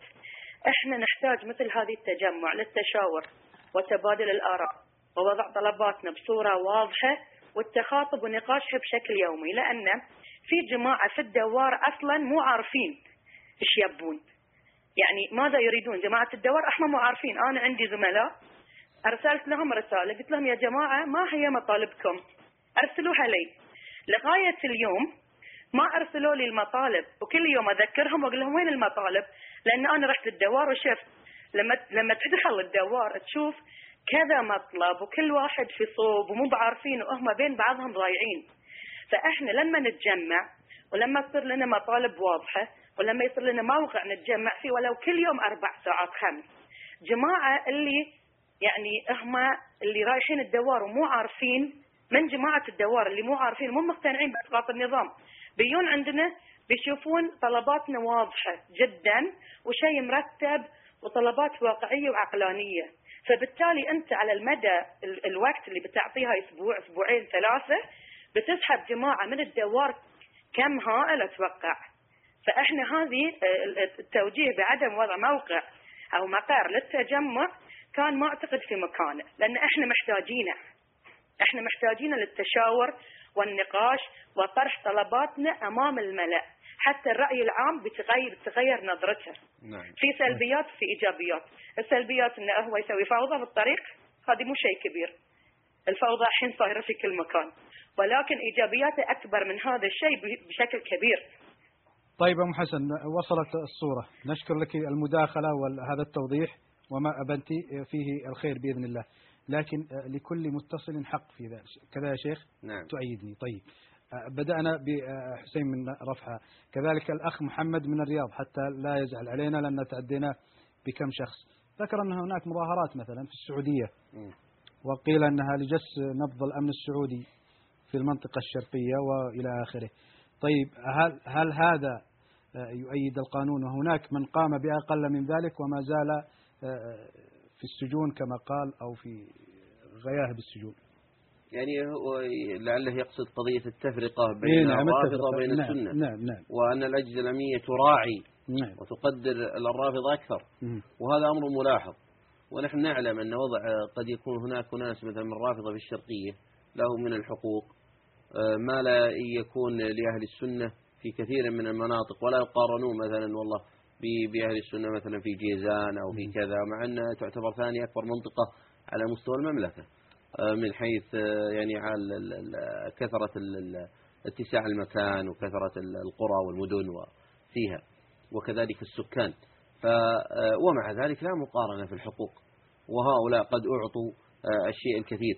إضافة إلى قضية المداراة والمراعاة وعدم السجن و وإذا سجن يخرجون بسهولة ويعني فيه فيه أخذ وعطاء وفي تفاوض وفي آه، سريع. وهذا يعني لحظ. فحقوقهم وذكر الشيخ محمد السعيدي أمس صور نعم. متعددة يعني في هذا الموضوع قد لا نحتاج إلى إلى بس حادثها أنا في ذلك نعم. أي نعم. نعم. وأيضا قد يكون هناك يمكن آه، الكلام اللي ذكره قد لا يكون دقيقا. على يعني أو آه، بإطلاقه لكن فيه تجاوزات في في التعامل الأمني.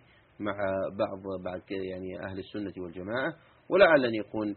آه، يعني ال- ال- الجهات الأمنية بإذن الله تعالى أن تعيد النظر في هذا الأسلوب في هذا في التعامل مع آه، أهل السنة والجماعة وهم اللي هم يشكلون عامة المجتمع يعني 99% أو أو نحو هذا هذه النسبة العامة العظمى فمراعاتهم وتقديرهم واحترامهم ومراعاة مشاعرهم وهذا كله لا شك أنه مطلوب والبعد التام عن ظلمهم بأي نوع من أنواع الظلم وأن يعاملوا بالعدل وأن يبعد الظلم آه، بل نجعل بيننا وبين الظلم مسافات بعيدة. نعم. جيد. طيب. الأخ أبو خالد من البحرين كذلك لعلنا قد أجبنا على شق من أسئلته ولكن ما زال هناك مناشدة من أهل البحرين أهل السنة خاصة لعلماء أه-، أهل السنة هناك في البحرين. على أن يكون لهم كما ناشدت الأخت أم حسن وغيرها كذلك من المتصلين أن يكون لهم تجمع وأن يكون لهم مرجعية في ذلك. توجيهكم أحسن الله إليكم. أنا علقت على هذا على كل حال. قضية أن يكون لهم حضور يعني مسيرة أو اجتماع أو نحو ذلك.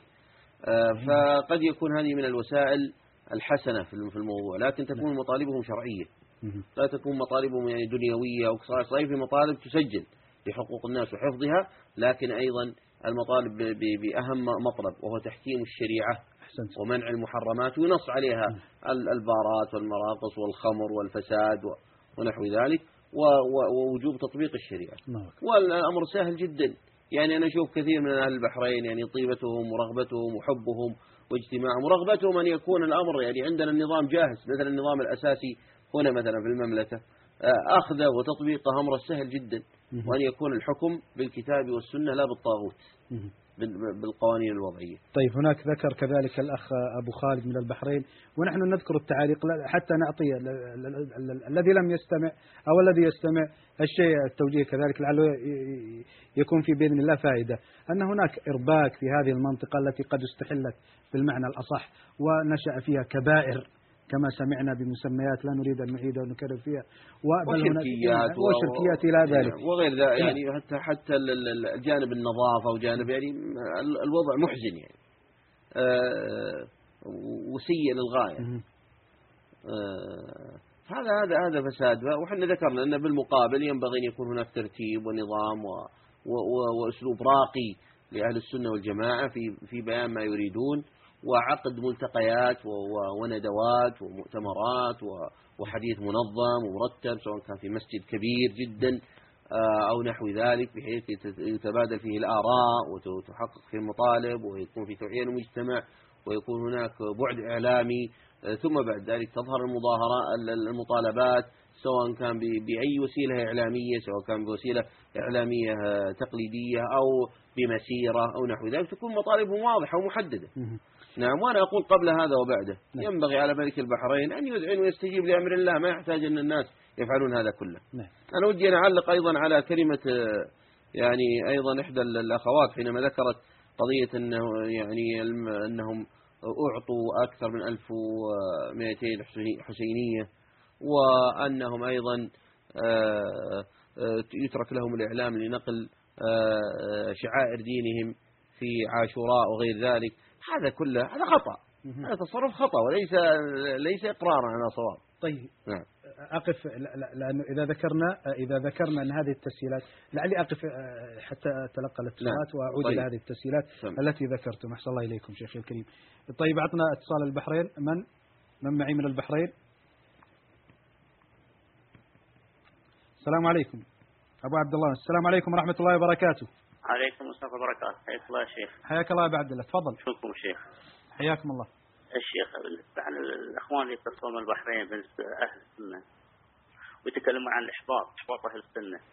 الشيخ هذه هو أول مرة يعني يعني هذه ما أول مرة تأتي من الملك يعني. يعني خلنا أذكر أهل السنة أهل السنة البحرين. هذا الكلام موجه حق الأخوة أهل السنة البحرين يعني.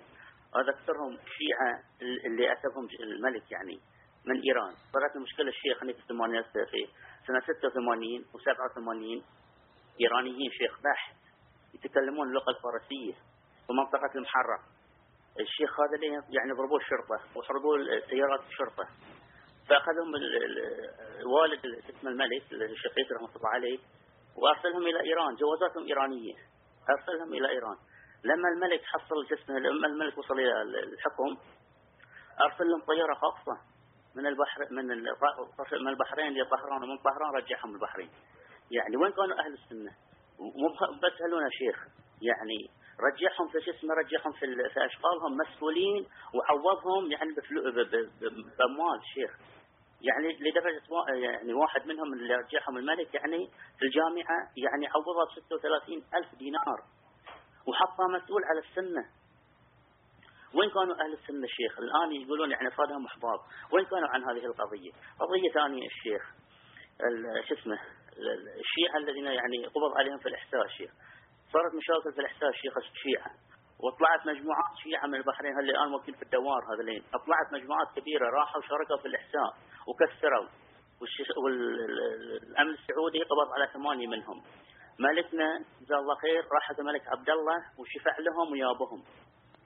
طيب وين السنة؟ وين سنة البحرين للآن صيدهم محور؟ آه نقطة ثالثة الشيخ. عندنا وزير ابن رجب.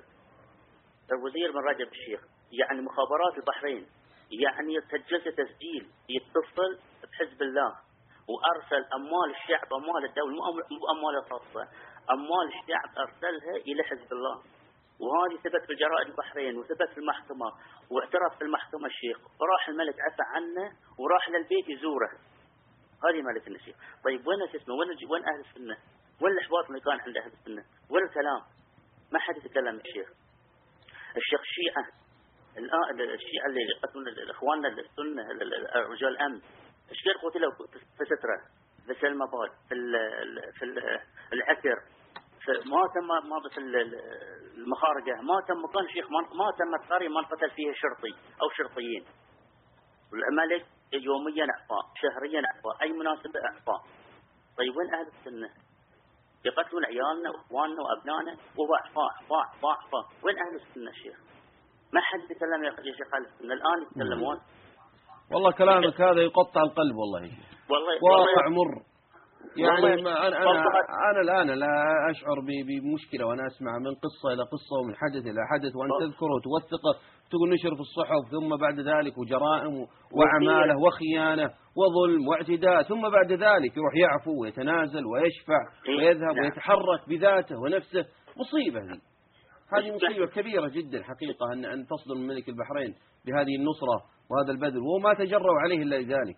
وأنا أقول مشكلته أنه ما يلتزم بشريعة الله وهذا الذي دهور به وضع البحرين وجرها إلى الرذيلة. حتى أصبح وضع البحرين سمعة غير غير كريمة مع أن شعبها على صلاح وعلى خير وعلى تقوى وعلى دين وأنا جلست جلست معهم وزرتهم وإقبالهم ورغبتهم حتى الفساق منهم طيبة ورغبة في التوبة وكثير منهم لا يحمل أفكار يعني علمانية ككثير وعدائية للدين ككثير من الشعوب ال- ال- بعض الشعوب العربية هنا وهناك. لكن سبحان الله العظيم يبدو أن أن أن الحكم الذي كان بإبقاء الفساد والميل إلى الرافض وإن كان هو من أهل السنة آه، هو الذي آه، حولها إلى بؤرة نسأل الله السلامة من الفساد. حتى الشباب عندنا هنا فساق الفساق وأسوأ السيئين هو الذي يتردد. ليه يا أخي تجعل البحرين بهذا الوضع بهذا الوضع المهين؟ لا يعني لا من ناحية العقيدة ولا في جانب السلوك ولا في جانب الحقوق لأهل البحرين تكون الأوضاع بهذه الطريقة. فهذا الإحباط الذي أصاب الناس وأنا أشعر به الآن. حقيقة وأنا أسمع كلامك وأسمع كلام الأخوان وما كانت هذه نفسيتي لا قبل هذا اللقاء ولا قبل لقاء البارحة. لكن يعني وحنا نأتي بتفاؤل لكن ال- الأخبار والأعمال المتتابعة التي تنقل عن ملك البحرين والتي لا تشجع حقيقة والتي ليس فيها نصرة واضحة للكتاب والسنة ولا لعقيدة التوحيد وعقيدة أهل السنة والجماعة ولا لأهل السنة والجماعة في البحرين ولا الذي يرفع عصاه يهابه ويقدره يا شيخ مهم مهمشين أهل السنة في البحرين من زمان مو تونا شيخ مهمشين من زمان أهل السنة يعني تو- نعم. اسمح لي شيخ بر- بر- برد على كلامك على كلام الأخ أبو خالد لما اتصل الشيخ. أي نعم. آه، آه، أبو خالد اتصل جزاه الله خير يعني عنده حماس ويبي يواجه الشيخ. لكن يا شيخ أنا حصلت مشكلة مع من الإخوان في منطقة المحرر كانوا يحسدون عليه ال- ال- اللي رجعهم ال- الملك اللي رجعهم في الطائره الخاصة. مآذين لهم شخص يبون يطلعونه من بيته بالمحرر يطلعونه من بيته بالقوة. ووقف لهم الشخص.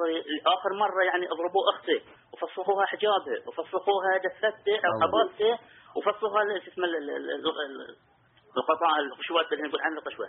الشيخ اليوم وقف لهم وقفوا مع كم من واحد من الرجال يعني اللي عندهم نخوة شوي اللي عندهم يعني غيرة على الدين وعلى المسلمين. الشيخ الخطباء اللي تكلم عنهم لازم يصير عندهم لجنة هذه وقفوا ضده. قالوا هذه تكفيري هذه صاحب فتنة هذه يبي يحرق البلد. يدافع عن عرضه احسن ضربة الشارع من قبل الرافضه ال- ال- شو اسمه فسخوا ثيابه تمت بالخلق مال ال- مال البيت. ولما تحرك وتحركوا معه كم من واحد من الشباب قامت قيامة خطباء الشيخ.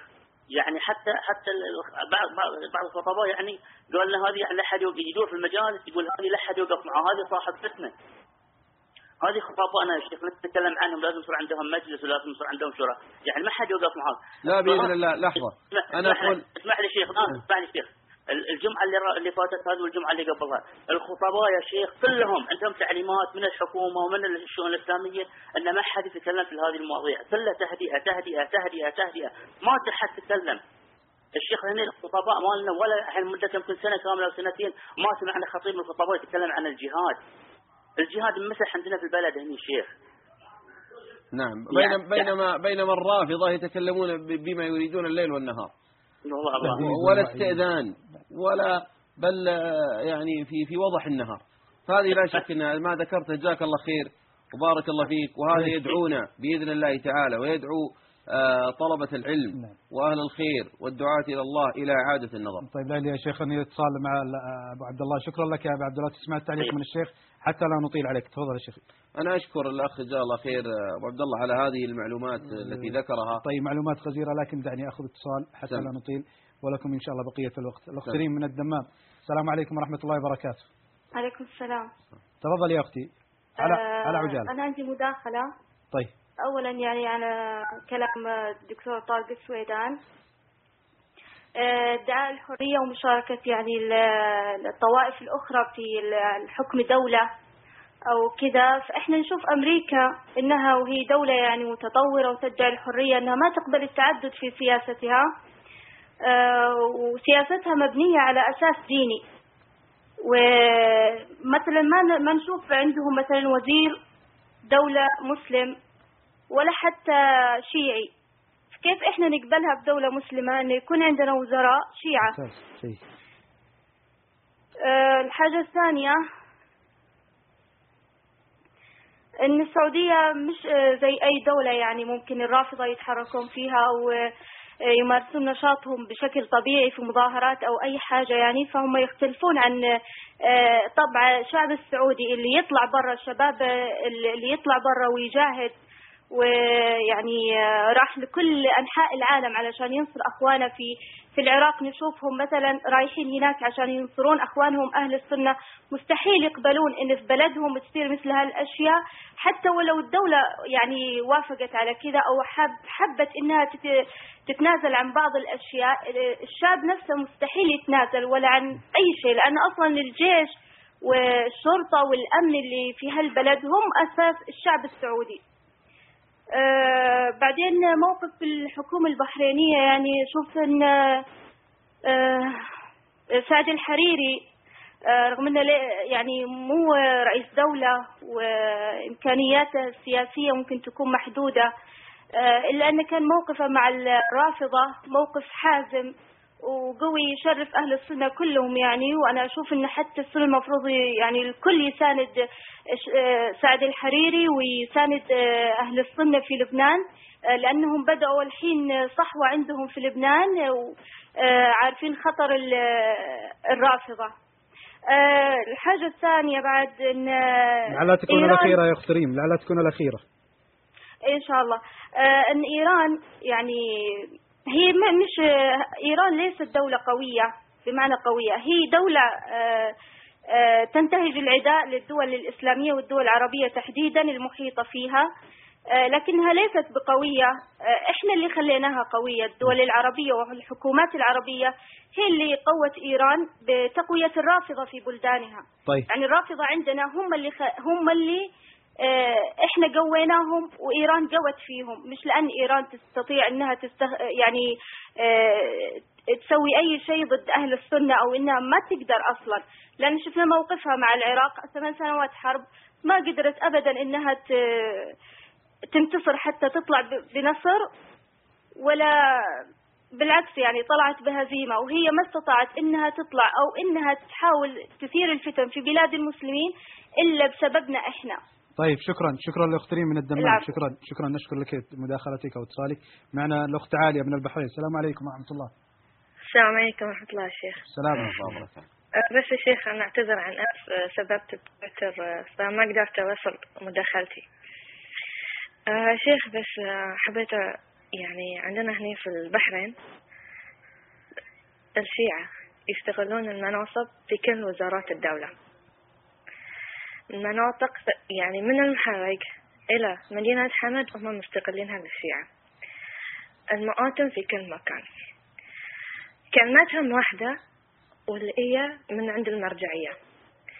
إسقاط النظام والعديد من اللي مطالبهم جاية من المرجعية. لكن السنة هني عندنا للأسف يعني الشؤون الإسلامية للسنة هني موقفهم ضعيف جدا. فأنا أتمنى يعني أن هيئة علماء الشيخ عبد العزيز أو الشيخ يعني يقوم بنفس شوي. يشيلنا. يعني أنا مستعدة وأنا أسمي عالية أن ي... أن أرتب هني حق خطاب كامل للشيخ عبد العزيز زبينا أو أي حد من العلماء في السعودية طيب يعني علشان إنه يقومون شباب السنة شوي. طيب. شباب السنة كلهم تشتتوا. انقسموا الحين قسمين. في ناس قالوا إحنا مع الحكومة وفي ناس موقفهم ضعف. يعني بعد التشكيل الوزاري اللي صار بعد الإعفاء عنهم آه، وصول آه، مشيمع للبحرين والإعفاء عن السنكيس فهني الموقف عندنا في عند السنة ضعف. طيب طيب يا- اخت عالية ما زال ما زال آه، معي الوقت قد يضيق آه، بنا ولكن آه، الصورة وضحت كل الوضوح. نشكر لك مداخلتك شكرا جزيلا. بإذن الله اتصال آخر لعل يكون في فرصات أخرى. لكن نتوقف قليلا شيخي الكريم. محاور كثرت واتصالات وقد تتشعب لكن أقف عند نقطة مهمة. الآن ذكرنا هذه التسهيلات. وهذه ال- ال- المآتم التي تقوم و و وإلى آخره من قبل الشيعة. بل أنه قد ذكر الأخ الذي ضرب لنا الأمثلة الأخ أبو عبد الله من البحرين وقد آه، تصدعنا من ذلك وذكرتم أنتم ذلك. أحسن الله إليكم. لكن ألا نقول أن هناك الحاشية وقد أغفلنا هذا ال- الجانب كثيرا.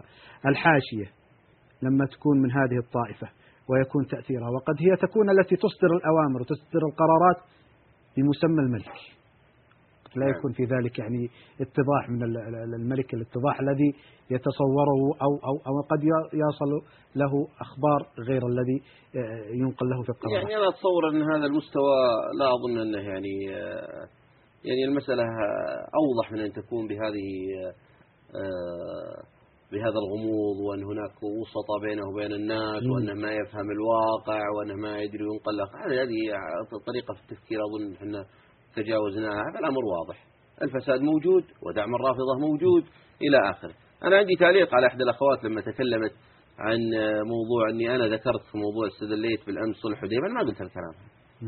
هذا بس بالأمس ذكرت إحدى الأخوات أم محمد. أي أني قلت صلح الحديبية وأن النبي صلى الله عليه وآله وسلم يعني في في الصلح. آه، كان هناك تنازلات وكان هذا لا. كان فتحا. لم يكن هناك استشهاد بها بالصلح. أنا ما ذكرت. لكن هي قالت أنت. ذكرت. فأنا أقول أبين أني لم أستدل بهذا ولم أستشهد به. جيد. إي نعم وأن قد يكون الحاكم أحيانا يفهم ما لا يفهم الآخرون ونحو ذلك. لا هذه مسائل شرعية. التنازل في الدين لا يجوز.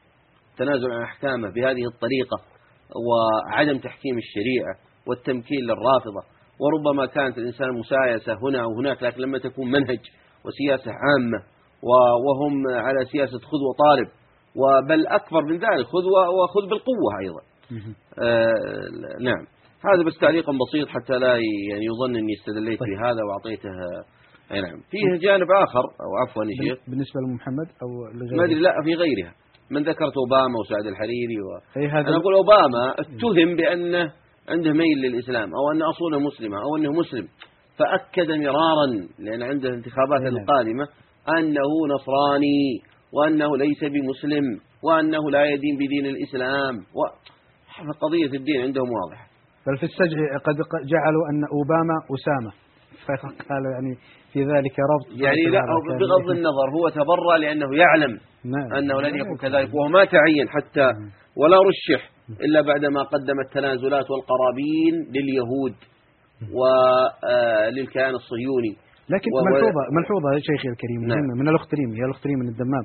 قالت أن أمريكا الذين يستشهدون بأمريكا وكأنها تشير آه، بسامنا وآخر إلى آه، تصريح أو بيان ال- الدكتور طارق ال- النظام لديهم هناك يقوم على الدين النصراني واستشهدت أنه لا يكون هناك حتى وزير أو آه، آه، ولي ولاية من المسلمين آه، في هذه ال- ال- الدولة. يعني بسبب اعتبارهم لهذا الجانب وتمكن اليهود والنصارى المتعصبون لهذا. فهذا منطلق واضح يعيشونه. الجانب إيه نعم. فيه لما ذكرت سعد الحريري نعم. وأثنت على مواقف. وأنا معك في ذلك. هل كان سبب في سقوطه؟ سقوط حكومته؟ من تقصد؟ سعد الحريري. آه، هذا موضوع آخر. لكن إحنا نقول آه، سقوطه في بسبب إيش؟ بسبب أنه واقف أمام الرافضة كما ذكرت الأخت ريم لا ما ما أظن هي عللت بها عللت بها أي نعم قالت أن كان له موقف مشرف يعني أنا الرافضة. ها؟ آه، يعني موضوع. موضوع سعد الحريري موضوع آخر يعني فالأهل السنة حينما يدعمونه في مواجهة الفساد الطاغي وفساد وفساد ال- ال- الروافض و- والطوائف الأخرى من النصارى وغيرهم وهناك أكثر من 20 طائفة في في لبنان. وهو آه، يعني آه، آه، أصح ما في الباب ولا يصح في الباب شيء. يعني أقلهم شرا فقط وإلا هو على انحراف وفساد سلوكي وخلقي وعقدي وأهل السنة والجماعة هنا قد زاروه وكلموه ونصحوه وتفاهموا معه ولا يدعمهم بريال ولا ينصرهم بريال ولا و- و- يعني ليرة. ونعم ولا بشيء مع الأسف الشديد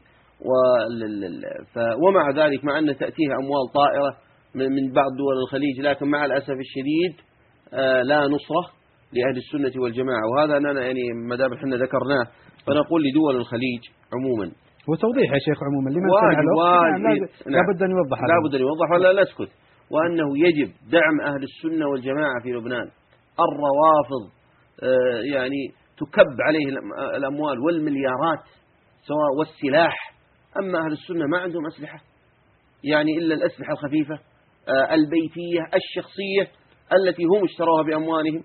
هذا ما- هو صحيح هذا غلط. يعني بينما هناك يعني المدرعات وال و وال يعني والصواريخ و- والعتاد والجيش لحزب اللات و- وأهل السنة لا. ويتفاخرون بأنهم لم لم يرفعوا السلاح ولا يحملون السلاح. هذا هذا هذا ضعف وخور وحماقة وجهل. ولا يجب أن يكون يعني أن يكون موقف أهل السنة والجماعة من دول الخليج لنصرة أهل السنة بهذا الخور والضعف. ولذلك عدم دعمهم بالسلاح وعدم دعمهم بالمال وعدم دعمهم وأهل السنة والجماعة هناك وأعدادهم كبيرة لكن لا يجدون دعما واضحا. بل كنت مع مفتي جنوب لبنان وغيره يعني لا لا لا ليس هو أيضا. تأتي هناك يأتي دعم من بعض دول الخليج سواء كان يعني تذكر قطر أحيانا إلى حزب الله. يعني شيء محزن. ثم هؤلاء يأتيهم يبدأ يبدأون يوزعون. يعني هذه مشكلة. هذا هذا هذا هذا الخلل. وهو أحيانا يكون دعم عام لجميع الطوائف. من أين؟ من أموال المسلمين في دول الخليج. هذا كله كلها من جوانب الخلل وما يحصل في لبنان أحيانا من من هذا الخلل وهذا الضعف وبهذه السياسة الضعيفة وإلا بالمال تستطيع أن تغير شيئا كثيرا جدا بإذن الله. إذا صدقت النية وأردنا آه، الخير للأمة سيكون لأهل السنة شأنا عظيما ولن يكونوا حينئذ طائفة لا قيمة لها أو ضعيفة أو يعتلى عليها أو أن تبعد بالقوة آه، كما حصل في لبنان.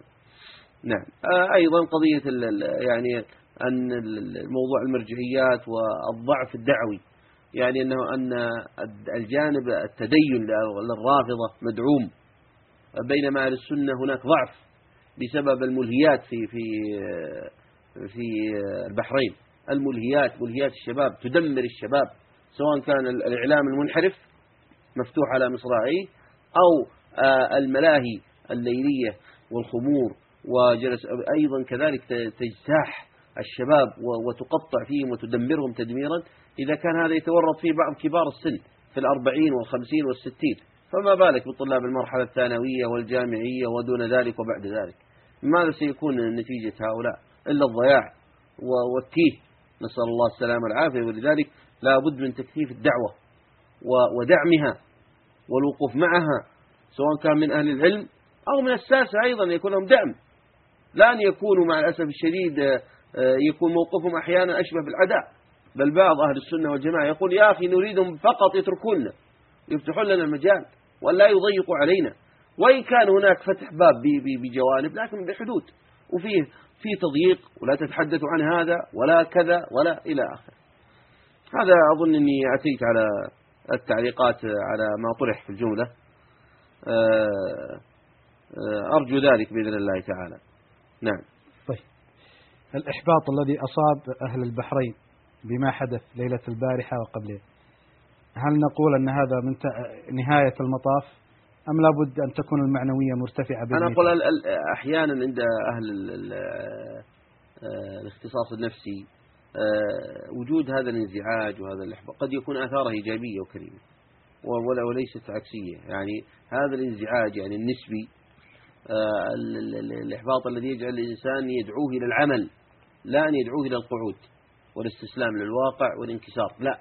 وإنما يدعوه بإذن الله إلى التفكير الصحيح وإعادة النظر. وأنا أقول بقدر ما حصل لأهل البحرين من شر ففي باطنه الخير بإذن الله بإعادة النظر في واقعهم وتصحيح آه، أوضاعهم وتوعية عامة الشعب بخطر الرافضة وضرورة الرجوع إلى إلى الله جل وعلا. والتزام بشريعته والدولة أيضا بتحكيم شرع الله وتغيير هذا المنهج ال- ال- الضعيف الخوار أمام الرافضة والاستسلام له وفتح البحرين على آه، فتح با- الباب على مصراعيه في البحرين للفساد الفساد المالي بالربا وغيره والفساد السلوكي والخلقي وخمور ومراقص كما تكرر كثيرا بل يجب عليهم ال- ال- ال- الاستسلام لشريعة الله وحكمه. نعم. حنا ال- يعني فيه قضايا أخرى. أتلقى اتصال ونعود. اتصال. طيب أنا ودنا أن جزاك الله خير. لا بأس. لكن ودنا يصير في فرصة مثلا ثلث ساعة. طيب. بدون اتصال ثم نعود الاتصالات حتى يبدينا طيب. نتحدث إذا يكون المهمة. يكون أبا ريماس ال- الأخير وبعد ذلك نترك الوقت لما ترى شيخي الكريم. طيب. طيب معنا ال- الأخ أبو ريماس من جدة. السلام عليكم ورحمة الله. وعليكم السلام ورحمة الله وبركاته. تفضل. السلام عليكم. وعليكم السلام. السلام ورحمة الله وبركاته. أسأل الله سبحانه وتعالى أن يكتب ما تقدمونه في ميزان أعمالكم. الله يبارك آه، فيك في البداية حقيقة نود أن نطرح قضية مهمة جدا وهي آه، إصلاح النفس. يقول الله سبحانه وتعالى أعوذ بالله من الشيطان الرجيم. أتأمرون الناس بالبر وتنسون أنفسكم؟ هنا علينا أن نتأمل في كتاب الله تعالى. كم تحدث عن النفس؟ وعن تبعة ما يحصل من مصائب ونكبات كل ذلك من النفس الأمارة بالسوء. يقول الله عز وجل قل هو من عند أنفسكم. ويقول عز وجل حتى يغيروا ما بأنفسهم. هنا مقولة لابن قدام المقدسي رحمه الله تعالى. يقول وأعلم أن الله تعالى إذا أراد بعبده خيرا بصره بعيوب نفسه. ثم ذكر أربع طرق طرق لمن أراد الوقوف على عيوب نفسه نذكرها باختصار. أولى تلك الطرق هو الجلوس على يد شيخ بصير بعيوب نفسه وطرق علاجها. وهذا قد عز في هذا الزمن وجوده فمن وقع به فقد وقع بالطبيب الحاذق فلا ينبغي أن يفارقه. ثانيا أن يطلب صديقا بصيرا متدينا فينصبه رقيبا على نفسه. ثالثا أن يستفيد من معرفة عيوب نفسه من ألسنة أعدائه فإن عين أو عين السخط. فإن عين السخط تبدى المساوئ رابعا أن يخالط الناس فما يراه مذموما فيما بينهم يتجنبه المحور الثاني الذي أريد أن أطرحه هو ما تطرق إليه الدكتور طارق السويدان وهي محور بسيط جدا بينما قال آه، عندما آه، ت- ت- تحدث عن الحكومة البحرينية بأن خروجها أو آه، استعمال العنف آه، ضد المت- المتظاهرين بأنه خطأ استراتيجي. أقول له بأن ما قلت يا دكتور وما فعله هؤلاء المتظاهرون هو خطأ شرعي. المحور الثالث الذي أود أن أتطرق إليه هو ما يحصل للأمة الإسلامية في هذا الزمن ومن الأعمال الخيرية التي توقفت آه، آه، كثيرا بسبب ما حدث في أحداث 11 سبتمبر وما يقوم به هؤلاء الرفض أو هؤلاء الشيعة. نحن نرى بأن هؤلاء الشيعة لديهم آه، طرق عديدة لجمع الخمس الذي الذي هو من الشريعة أو الذي هو من الدين عندهم. فباستطاعتهم أن يجمعوا هذا الخمس ويحولوا أو يخرجوه إلى خارج البلاد سواء في إيران أو العراق. أما نحن أهل السنة والجماعة فقد ضاق بنا الحال. لم نعد نستطيع أن, أن, أن, أن نقوم بأعمال خيرية آه، في الخارج. كنا في المملكة العربية السعودية لا نستطيع أن نخرج أو أن نقوم بالعمل الخيري في الخارج آه، كما كنا نعمل في السابق. وعن تجربة شخصية قمنا بهذا في ذلك. آه، أصبح السني من أهل أو نقول الرجل من أهل السنة والجماعة الذي يعمل في الجمعيات أو في الهيئات الخيرية حقيقة هو تحت الأنظار.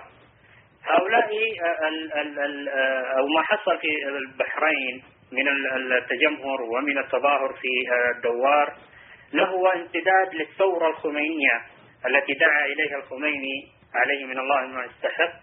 وهي تهدف إلى نشر المذهب الشيعي الإمامي الاثنى عشري في أرجاء العالم الإسلامي أجمع. آه هذا ما أود ما كنت أود أن أطرحه. آه حقيقة آه أشكر الله سبحانه وتعالى أولا ثم أشكر قناة وصال التي وقفت وقف آه، صحيحة وصادقة وأسأل الله سبحانه وتعالى أن أن يكتب لكم الأجور آه، وأن لا يحرمكم ذلك. السلام عليكم ورحمة الله وبركاته. وعليكم السلام ورحمة الله وبركاته. شكرا لك أبو ريماس من من جدة. شكرا جزيلا لك. طيب شيخ الكريم آه، لأن دارك بعض محاولة ذكر المتصلين أم نرجع لما انتهينا من من نجيب على الأخ ثم يكون لنا مجال للحديث طيب. عن عدد من القضايا تفضل. المهمة. نعم. ذكر الأخ أبو ريماس آه، أن إصلاح النفس يكون في المرتبة الأولى. واستشهد بآية تأمرون الناس بالبر وتنسون أنفسكم. نعم. وذكر كذلك قول لأبي قدامة المقدسي وأربع نقاط نعم. تعليقكم على ذلك. أحسن الله نعم. إليكم. أولا أيضا هو ذكر آه، أيضا قول الله جل وعلا قل هو من عند أنفسكم. وأنا أقول هذا موضوع حقيقة آه، في غاية الأهمية.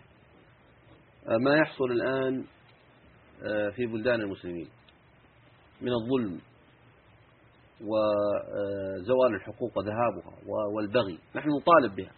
لكن قد يكون أحيانا بذنوبنا وتمكين هؤلاء الطغاة. قد يكون بسبب عدم بذل الأسباب التي أمر الله سبحانه وتعالى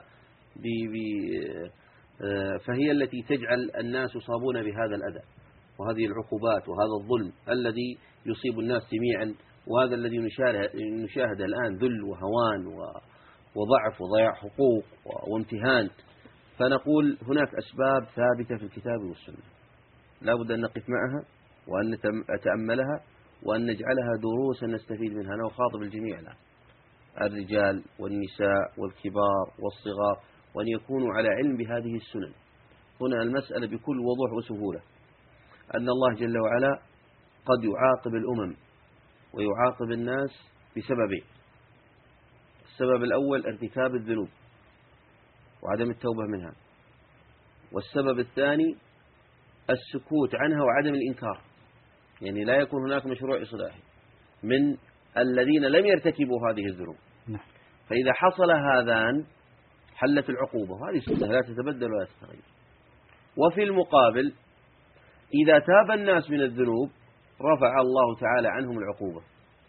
وإذا قام المصلحون بالإصلاح والنهي عن هذه المنكرات رفع الله تعالى هذه العقوبة عن هذه البلدان. هذه سنن إلهية ربانية لا تتبدل ولا تتغير. أما الذنوب فالله جل وعلا يقول فكلا أخذنا بذنبه. ويقول الله جل وعلا وما كان الله معذبهم وهم يستغفرون. يعني لاحظ في المقابل الآن. الله يعذبهم إذا, إذا, إذا, إذا ارتكبوا الذنوب لكن لا يعذبهم إذا كانوا يستغفرون منها الاستغفار بالمعنى العام التوبة والاستغفار من الذنوب. إذا كانوا من أهل الاستغفار وهذه وهذا مما يعظم عبادة الاستغفار والتوبة إلى الله جل وعلا. ولذلك النصوص مليئة يعني كثيرة بالأمر بالتوبة. وتوبوا إلى الله جميعا أيها المؤمنون. إن الله يحب التوابين ويحب المتطهرين. ويقول الله جل وعلا أولما أصابتكم مصيبة قد أصبتم مثليها قلتم أن هذا قل هو من عند أنفسكم يعني أنتم السبب وهذا كان في غزوة أحد والكلام الآن بين الصحابة وليكون درس وعبرة وموعظة وآية لجميع الناس وأن الله سبحانه وتعالى قد يتحل المصيبة ولا يتحقق لهم النصر بسبب الذنوب. أهو لما أصابتكم مصيبة في غزوة أحد حينما قتل من المسلمين سبعون قد أصبتم مثليها في غزوة بدر حينما قتلتم سبعين وأسرتم سبعين. قلتم أن هذا كيف تحل الهزيمة مع النبي صلى الله عليه وسلم والصحابة في مقابل الكفار؟ فأجاب الله جل وعلا مبينا. قلتم أن هذا قل هو من عند أنفسكم. أنتم السبب حينما أمركم النبي صلى الله عليه وسلم تبقى جبل الرماة فعصوا النبي صلى الله عليه وسلم ونزلوا حينما رأوا بوادر النصر ورأوا الغنائم فاستعجلوا الأمر فحلت الهزيمة. هذه سنن يجب أن نقف معها وأن نتأملها. وفي المقابل أيضا كما أسلف آه، إنكار المنكر. فإذا أنكرنا المنكر رفع الله جل وعلا العقوبات على الناس الذي هو الإصلاح كما سماه الله جل وعلا الإصلاح والأمر بالمعروف والنهي عن المنكر. إذا قام أهل الخير بذلك كان من أهم سباب أسباب رفع الظلم عن الأمة. فالله جل وعلا يقول آه، في كتابه العزيز وما كان ربك ليهلك القرى بظلم وأهلها مصلحون. ما يمكن الله يهلكهم وأهلها متى؟ مصلحون بسبب الظلم الظلم المعاصي بأنواعها وأشكالها. ما يهلكهم الله بهذه الذنوب بشرط أن يكون أهلها مصلحون. ومصلحون يختلف عن صالحون. ليسوا صالحين في أنفسهم لا بل مصلحون يعني يأمرون بالمعروف وينهون عن المنكر. في جميع مناحي الحياة وجميع جوانب الأمور في المطالبة بالإصلاح السياسي والإصلاح الاقتصادي والإصلاح الاجتماعي والإصلاح الصحي والإصلاح في أمور التعب العبادي والشعائر العبادية وجميع مناحي الحياة. أنت والجانب الإعلامي والجانب الاقتصادي كلها تكون محكومة بشريعة الله وننهى عن الفساد. وقد ثبت عن النبي صلى الله عليه وآله وسلم أنه قال كما في حديث أبي بكر الصديق عند الإمام أحمد الإسلام صحيح إن الناس إذا رأوا المنكر ولم ينكروه أوشك أن يعمهم الله بعقاب من عنده. وهذا كلام أبو عبد الله. يقول أهل البحرين سكتوا. سكتوا سكتوا. في في كلام إحنا نعرف لكن ليس بالمستوى المطلوب. الضغط والمطالبة والإلحاح. ولذلك تحل العقوبات أحيانا. وحنا الآن نتكلم عن أنفسنا حنا. يعني أنا ما أتكلم عن الكلام ما أتكلم عن البحرين غيرنا. أنا وياهم شيء واحد أن إخوة أن نتعاون ولحمة واحدة ويد واحدة وخصوصا في هذا البلد. يعني آه، المؤمنون يعني لحمة واحدة وتتكافأ دماؤهم ويسعى بذمتهم أدناهم كما ثبت ذلك عن النبي صلى الله عليه وآله وسلم. والضرر الذي نراه الآن في البحرين نراه عندنا ونراه في كثير من الأماكن في بلاد المسلمين من الظلم والمشاكل والمصائب هي بسبب الذنوب. أو السكوت عنها وعدم إنكارها. فهذه قضايا شرعية يجب أن تكون واضحة وأرجو أن يكون هذا قد آه، يعني أتينا عليه. وهذا كله تعليقا على كلام الأخ جزاه الله خير في قضية الذنوب. آه، ذكر أيضا كلاما آخر.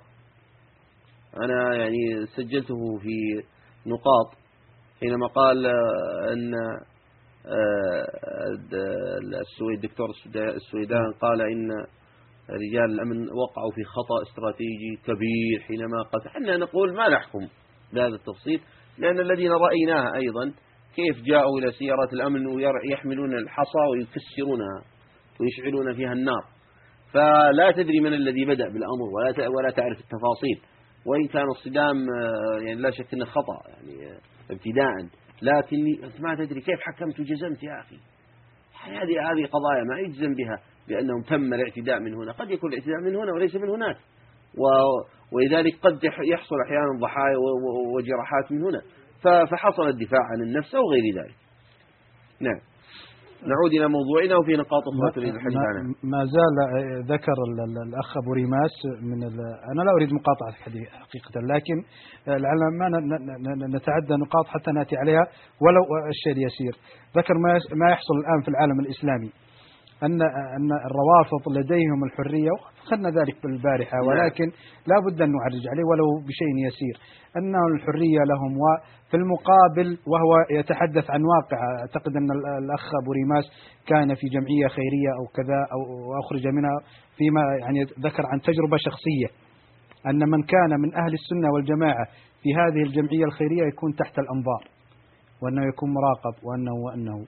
وأما ال- ال- ال- ال- الطرف الآخر فإنهم يأخذون الخمس نحن نعلم أن أن أن أن الحوثيين في في في اليمن نعم. مدعومون من, من إيران وإيران تأخذ فيه أموال تخرج من دول الخليج. الخليج. من السعودية ومن البحرين ومن الكويت وتذهب أموال طائلة إلى إيران.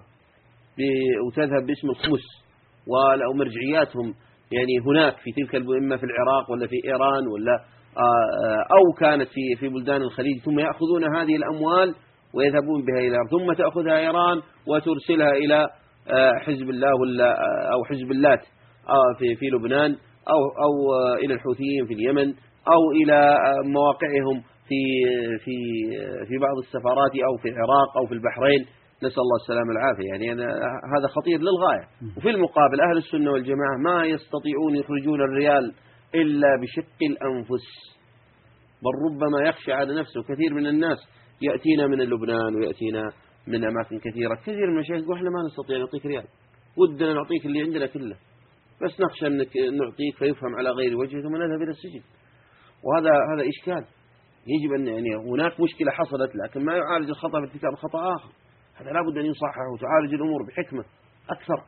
و ولا بد بل من أهم أسباب آه، ال- ال- الأمن بإذن الله تعالى للبلد هنا ودول الخليج جميعا أن يكون لهم دعم قوي جدا للدعوة إلى الله جل وعلا في جميع أقطار الأرض. فتقوم الدولة ابتداء بذلك ودعمها الرسمي من خلال الأجهزة الرسمية أن يكون لها حضور ودعوة ومشاركة من خلال سفاراتها وإقامة الجامعات في مشارق الأرض ومغاربها.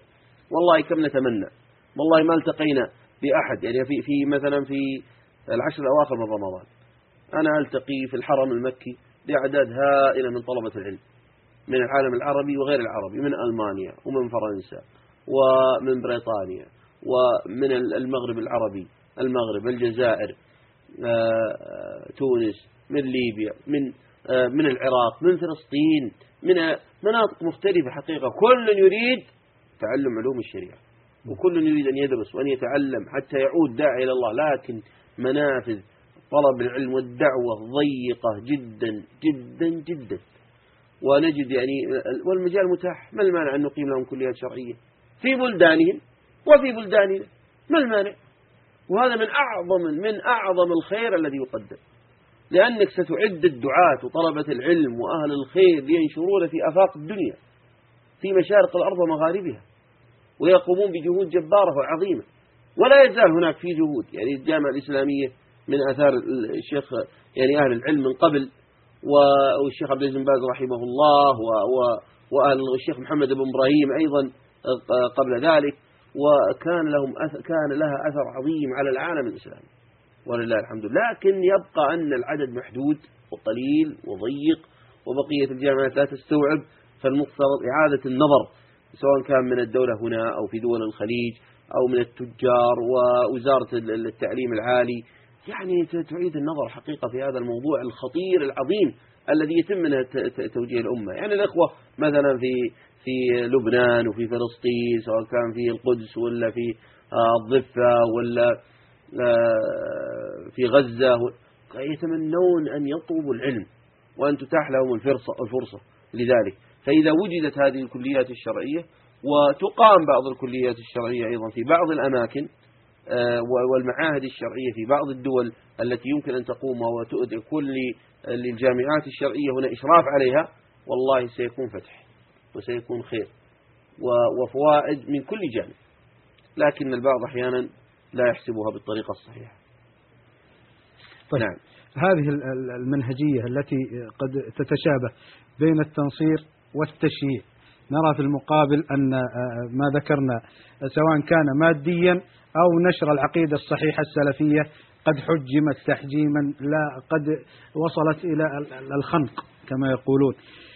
بل سمعنا أن رئيس الدولة الصفوية قد ذهب إلى غرب أفريقيا وإلى دولة دولة الدول الأفريقية بل ومنع حراسته الشخصية بنزوله الشارع وسار يغدق عليهم من الأموال ويحثو إليهم الأموال في مقابل أن يعطي فكرة حسنة عن هذا المذهب الضال المضل. في المقابل كذلك التنصير من الذين يسمون بالتضليلي التضليليين. لا نقول التبشيريين بل تضليليين ينشرون الدين النصراني الغير حق. في هذه المنهجية وهذا التقارب وهذا التشابه وهذا التوازي من التشيع أو التشييع والتنصير نرى هناك قصور بل كما ذكرنا تحجيم شديد لهذا. عرجوا على ذلك أحسن الله أضرب لك مثال واضح نعم. موضوع سوريا. جيد. وأنا أعتبر سوريا هي من أسوأ الدول العربية بعد تونس تضييقا وظلما وبغيا نسأل الله السلامة والعافية. وهي الآن قد اتحدت مع إيران واتفقت معها في العدوان على أهل السنة والجماعة. ومع الأسف الشديد تقوم إيران بعمل عظيم جدا في في في, في تشييع أهل سوريا. طيب. فيوجد عندهم سمي شيء طيب واصل واصل شيخ فاصل تفضل كان في فاصل نتوقف و... لا خذ راحتك خلاص. أي نعم. آه يوجد مثلا آه من أكبر الحسينيات على مستوى العالم يعني تكاد أن تكون الثانية. آه ففي في في سوريا الحسينيات و ورواتب تدفع للمتشيعين. وكانت 3000 ليرة ثم ارتفعت إلى 6000 والكتب توزع في كل مكان ولهم حضور وحركة واستسلام للرافضة وأصبح الرافضة يدخلون ويخرجون وكأنها يعني جزء من من, من إيران. وفي المقابل التضييق على أهل السنة والجماعة وهم الغالبية العظمى الساحقة في في سوريا. فهذا هذا هذا الشعب السوري في في شرقه ووسطه وغربه في في هم من أهل السنة والجماعة. وقلة نصيرية. يعني والذي منها يعني أو النظام والحاكم فيه وهم قلة قليلة بالنسبة إلى أهل السنة والجماعة. ومع ذلك أهل السنة والجماعة يلاقون الظلم والضيم والقهر والتعذيب والتهمة أهل السنة هذه تعتبر جريمة. ويسمون السلفي هذا هذا يعتبر جريمة. ويأتون بكلمة الوهابي للتنفير. وأي كتاب يخرج من المملكة هنا. يصل إلى سوريا فهذه تهمة. أي كتاب يوجد عند أي شخص من أهل السنة في سوريا مؤلفة من السعودية فهذه تهمة يسجن عليه سنتان. حتى لو كان الكتاب في الطهارة ولا في مسألة في البيوع ولا في صفة الحج الحكم واحد. يسجن سنتين. وإذا كان الكتاب إذا كان مؤلفة للشيخ بن باز وابن عثيمين فهذه تصل إلى عشر سنوات. وأصبحوا يوزعون هذه الكتب بينهم كما توزع المخدرات وأشد لأن جريمة باع المخدرات أقل من ذلك أو المتعاطي لها أو المهدي لها. وبل يأتون بهذه الكتب ويزيلون الغلاف ويزيلون الاسم وربما يطبعونها في مناطق أخرى غير السعودية حتى لا يكون الطباعة لأن أي كتاب مطبوع في السعودية هذا مرفوض. جملة وتفصيلا يعني إلى هذا إلى هذه الدرجة. بل ربما أحيانا يتهمون الشخص من أجل شكله. يقول أنت مظهرك شماغ أو غترة ولحية وثوب. يقول هذا تهمة هكذا. وكثير من الذين يذهبون في الإجازات من من من السعودية إلى سوريا يعني يجدون ظلما عظيما يدخلون السجون ولا يخرجون إلا بالرشاوي الكثيرة جدا. فنقول هذا النظام البائس الظالم الطاغوتي في سوريا هذا من الظلم الواضح والتواطؤ البين ضد أهل السنة والجماعة من قبل إيران. ولذلك لا بد من التدخل. وين التدخل السياسي من دول الخليج؟ ما في تدخل سياسي لتخفيف هذا الشر ولا حتى حوار ولا مطالبة برفع هذا الظلم. وكما يقال عينك عينك مثل ما كان حاكم تونس. يعني ال ال ال الكتاب الذي يخرج من هنا إلى هناك هذه جريمة يعاقب عليها صاحبها. ولا تباع الكتب المؤلفة أو المطبوعة هنا أبدا والعداء التام ثم بعد ذلك نستضيفه ويستقبل هنا. يعني شيء محزن للغاية في الحقيقة وليس مكانه هنا. هذا هذا الطاغوت الظالم الجائر. وربما فعل هؤلاء ما لم تفعله دول الكفر في شعوبهم. وأنا أرى أن سوريا هي الأقرب لجانب التغيرات آه، التي نراها الآن في تساقط الحكام. آه، وإن كان هناك قبضة أمنية عالية ويكاد أن يصل ربع الشعب أن يكون من المخابرات وأن يكون آه، يعني قد ربي على ذلك وإبعاده عن الدين والجيش أيضا انمسخ وتأثر كثير منه في في في في العداء للدين بل حتى يصل إلى سب الله جل وعلا. وأن مثل هذه الكلمات أصبحت معتادة عندهم سب الله والاعتداء على الدين وترك وعدم الصلاة وملاحقة المتدينين ويعني وسجنهم وتعذيبهم ولا سائل عنهم. أنا أذكر أختم بهذه القصة. طيب أي نعم.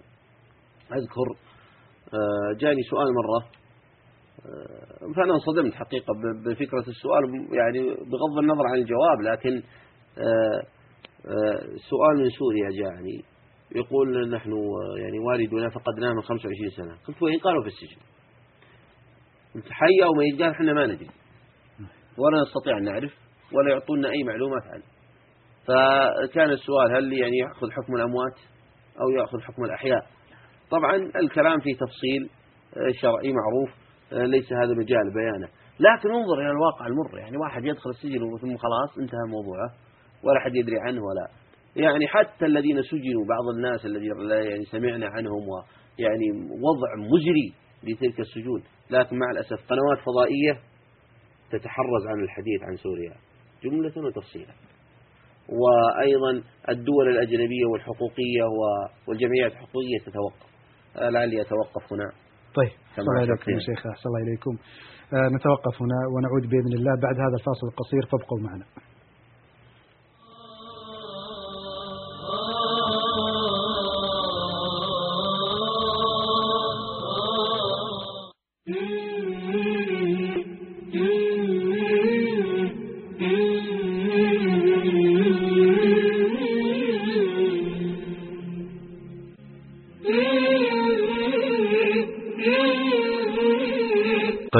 وصال دليل وصولك للحقيقة.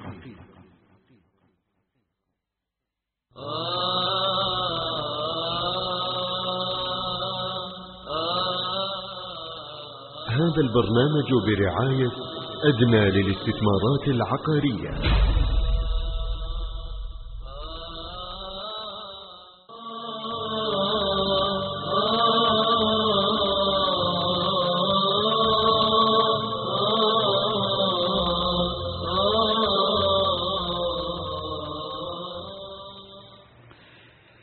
حياكم الله أحبتي في الله مجددا ولكن نقول السلام عليكم ورحمة الله وبركاته. معنا في هذا اللقاء الذي لم يشاهدنا من بدايته فضيلة الشيخ الدكتور يوسف الأحمد. حياكم الله شيخي مجددا. الله يبارك فيك. أهلا وسهلا. طيب ما زال بقي هناك أم نأتي إلى ما ذكر الأخ أبو ريماس والذي ذكر منها أن ما يحدث سواء كان في البحرين أو غير البحرين هو امتداد للثورة الخمينية وما شابه ذلك. تفضلوا. أنا أتم بس على موضوع طيب. سوريا. نعم. وأنا أقول يعني لبشار الأسد أن يتقي الله جل وعلا. جيد. وأن يرفع الظلم عن أهل السنة والجماعة. وأن يخرج السجناء وأن لا يذل شعبه. وشعب سوريا لا يقبل الذل. وهو شعب يعني على الفطرة بإذن الله تعالى. وإن كان هذا العمل الذي قام به والحكم الذي ظلم به العباد قد أثر فيهم وأبعد عنهم التدين بقدر ليس بالقليل لكن يبقى أن كثيرا منهم وهو الأغلب على خير وصلاح ورجوعهم قريب ولم يفتك بهم كما فتك بأهل سوء تونس. ولا أرضى ولا أظن أنهم مع هذه الأوضاع المتغيرات أنهم سيسكتون بل سيثورون مع ما ظن من آه، قوته وعتاده وتمكنه وقوة قبضته في الجانب الإعلامي أو الجانب الأمني. فنقول له اتق الله وارجع إلى أمر الله واحكم بشريعة الله واستسلم لدين الله فالحكم لله وليس لك وليس لهذا الحزب الظالم.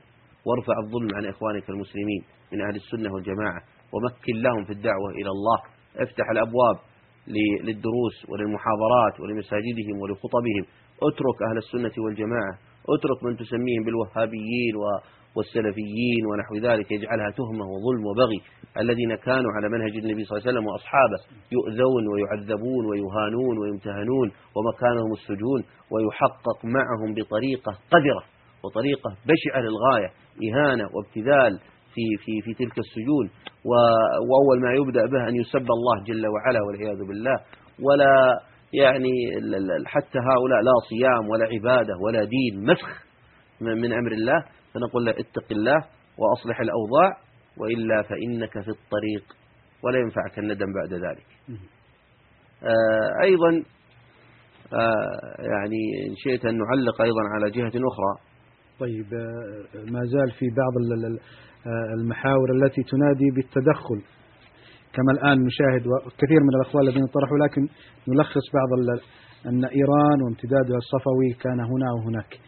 ألا يكون لأكبر دولة الآن في المنطقة مثلا كالسعودية؟ وقد نادى بذلك وصرح به كثير من الأخوان المتصلين. هل ترى هل ترى أن تدخل المملكة العربية السعودية قد حان في البحرين؟ التدخل المشاركة ضرورة لا بد منها. ضرورة. وإذا استمر إذا إذا إذا بقي الحال على ما كان من هذا التأخر ربما تحصل فتن عظيمة سنندم عليها جميعا.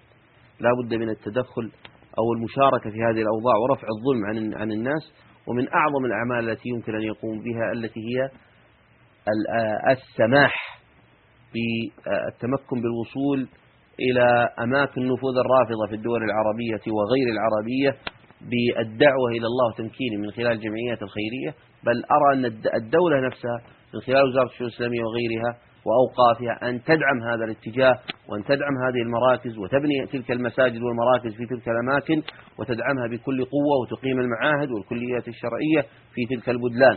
هذه أقوى وسيلة في مقاومة المد الصفوي الرافضي إضافة إلى أنه واجب دعوي. يعني في فلسطين وفي غزة وفي لبنان وفي اليمن وفي آه، بل حتى في في إيران وفي غيرها. الجانب الثاني دعم الجمعيات الخيرية القائمة على دعوة آه، أبناء المذهب الرافضي إلى الحق. وأنا أقول هذا من حق آه، أتباع وعوام الإمامية الاثنى عشرية. فإذا كان هناك عدد من مرجعياتهم قد رجعوا إلى الحق وإلى أهل السنة والجماعة فما بالك بعوامهم الذين هم أصلا يشعرون بالشك والتردد والخوف ولا يمنعهم من ترك ذلك إلا الخوف. أو التردد أو أنهم قد نشأوا على حال أو بقاء بعض الشكوك وهذا لا يكاد أن يسلم منه أحد منهم. نعم. طيب. يعني نتلقى اتصالات. أبو عبد الرحمن من البحرين. السلام عليكم ورحمة الله وبركاته. وعليكم السلام ورحمة الله وبركاته. كيف حالكم شيخ. حياكم الله. في عجالة يا أبو عبد الرحمن حتى نتمكن. إن شاء الله إن شاء الله شيخ. بس شيخ أول شيء شيخ طبعا نحكي قناة وصال على يعني رعايته للحدث وعلى متابعته في حال أرسلته يعني كثير من القنوات اللي كلها. وشيخ إن شاء الله نجعل إن شاء الله لصاحبها إن شاء الله الله يجازيه. شيخ أنا شيخ طبعا آه، شيخ أزمة الأمة الآن أزمة قدوات شيخ للأسف. يعني ما نرى قلة من المشايخ القلائل مثل الشيخ آه، الدكتور آه، الأحمد أو يعني يعني قلة جدا الأمة الآن تعاني أزمة قدوات نادر ما ترى عالم يرفع بكلمة الحق لا يخاف إلا لومة لائم. هذا شيخ أنا احب ادخل بشرح شيخ أنا شيخ ببدأ مداخلتي بمسج شيخ يتوارد في البحرين الآن يعني بكثرة يقول في هذا المسجد يقول مبروك لكل السنة المشاركين هذه المكرمات التي نالوها بعد مسيرة الولاء للحاكم والتي كانت نتائجها الواقعية واحد. إطلاق سجناء الشيعة. اثنين التحقيق والسجن لقوات الأمن التي لم تطلق رصاصة واحدة من دون أمر رسمي. ثلاثة وأخيرا إقالة أربع وزراء سنة واستبدالهم بشيعة. وتقدم لكم كل شيعي في البحرين بجزيل الشكر على ما قدمتموه لهم. هذا الشيخ رسالة تتداول في البحرين آه، بصورة كبيرة. طبعا شيخ أنا أبي ابين الأخوة اللي ذات من البحرين تغيير وزاري هو شيخ صار فصل حق أربع وزراء سنه وطبعا الوزراء الشيعة كان من وزاره يبغون وزاره ثانية لكن الوزراء الوزارات الأربعة طلعت من السنة. صارت كلها وزارة شيعية فما في تبديل وزاره يعني إسقاط وزارة سنية. هذا شيخ. شيء ثاني شيخ أحب يعني إن شاء الله الشيخ اللي في البحرين صاير مو يعني نفس ما يعني إحباط بقدر ما هو غضب عند أهل السنة. والله يا شيخ غضب كثير يعني كبير عند أهل عند أهل السنة لكن الله المستعان. لكن شيخ في بشارة حلوة شيخ الآن في البحرين أول تجمع سني في تاريخ البحرين إحنا عرفناه. طبعا اسمه تجمع الوحدة الوطنية هم اسموها كذا لكن الحمد لله أول تجمع سني بقيادة أحد المشايخ وفي يجمع جميع الأطياف. وأنا من هنا اوجه رسالة إلى هذا التجمع. طبعا هم يقول لا نريدها طائفية لا, لا إحنا نقول إحنا نريدها طائفية. قولوا نحن تجمع سني. يعني ينطلقون من منطلق قوه هم ينطلقون ويأخذون الأول والتالي والسنة في البحرين. لا تمثيل لهم. النواب في الانتخابات جمعية إسلامية تضرب جمعية إسلامية أخرى على حساب على حساب على يعني مصالح شخصية. فنقول من هنا رسالة إلى تجمع ال- ال- ال- الوحدة الوطنية. لا أعلنوها. نحن طائفية طائفة سنية. ليس مهادنات أو يعني هذه زمن المهادنات عندنا يعني آه، ولى يعني. يعني هذا الشيخ لعل الشيخ رسالة تصل إليهم ونشر الشيخ يعني الأ- آه، الشيخ الدكتور يوسف الأحمد وشيخ الشيخ ترى حتى اللي ذكره الأخ أبو عبد الله من البحرين وذكروا غيرهم. شيخ في غيره كثير كثير. لكن الله المستعان. طيب شكرا شكرا. الله يجزاكم شكرا جزاك الله خير كلام كريم وسمين ومتميز. وأسأل الله سبحانه وتعالى أن يبارك فيه. واللملمة والدمدمة ومراعاة بعض الأوضاع و... يا أخي أنتم دعواكم دعوة, دعوة الحق.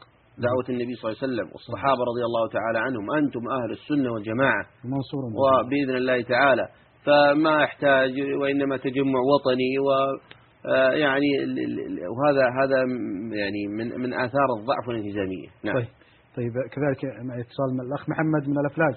السلام عليكم ورحمة الله وبركاته. وعليكم السلام ورحمة الله وبركاته. تفضل يا أخ محمد في عجالة. السلام عليكم ورحمة الله وبركاته. السلام وعليكم السلام ورحمة الله وبركاته. أولا يا شيخ بالنسبة لأخوان الشيعة الرافضة آه، أرى أن الحل والله أعلم في الدعوة إلى الله سبحانه وتعالى. أولا عن طريق الإعلام يعني أنا أرى أن وصال قناة وصال وقناة صفا جزاهم الله خير لهم جهود جبارة لكن نريد من القنوات الأخرى أن تتجه إلى دعوة الرافضة. هذا أولا. الشيء الثاني يا شيخ الدعوة عن طريق العلماء والدعاء. جزاكم الله خير. شكرا شكرا محمد أحسنتم. طيب بقي شيء لديك؟ آه، بقي لي موضوع آه، طيب آخر. آه، دقيقة شيخ نعم. أب- أبو علي أبو علي من ليبيا. من ليبيا. السلام عليكم ورحمة الله. وعليكم السلام ورحمة الله. حياكم الله. حيا الله أهلا علي. وسهلا. السلام عليكم. وعليكم السلام. ورحمة الله وبركاته شيخنا شن حالك حياك الله الله يبارك فيك. يا أهلا وسهلا. كيف الأوضاع عندكم؟ يا شيخ أسألك سؤال. تفضل. تقصر على التلفزيون يا بخير والحمد لله. الحمد لله. يا علي لحظة. يا علي تقصر على. التلفزيون.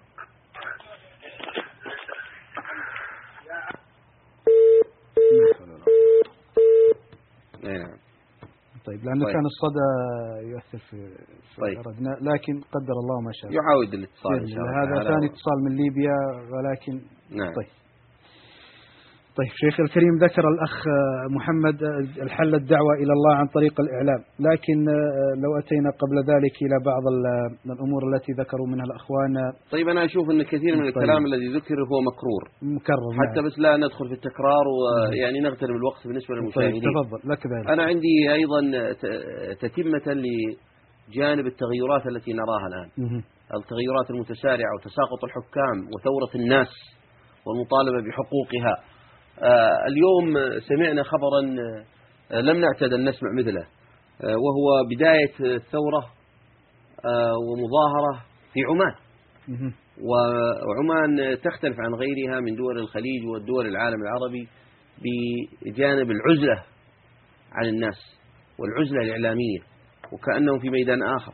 فإذا خرج طرف خبر فالحقيقة عشرات أضعافه نعم. وهذه قضية آه، يعني لا بد أن ننتبه لها. ونقول أهل الخير والإعلاميون وأهل العلم والمشايخ غافلون عن الوضع في عمان.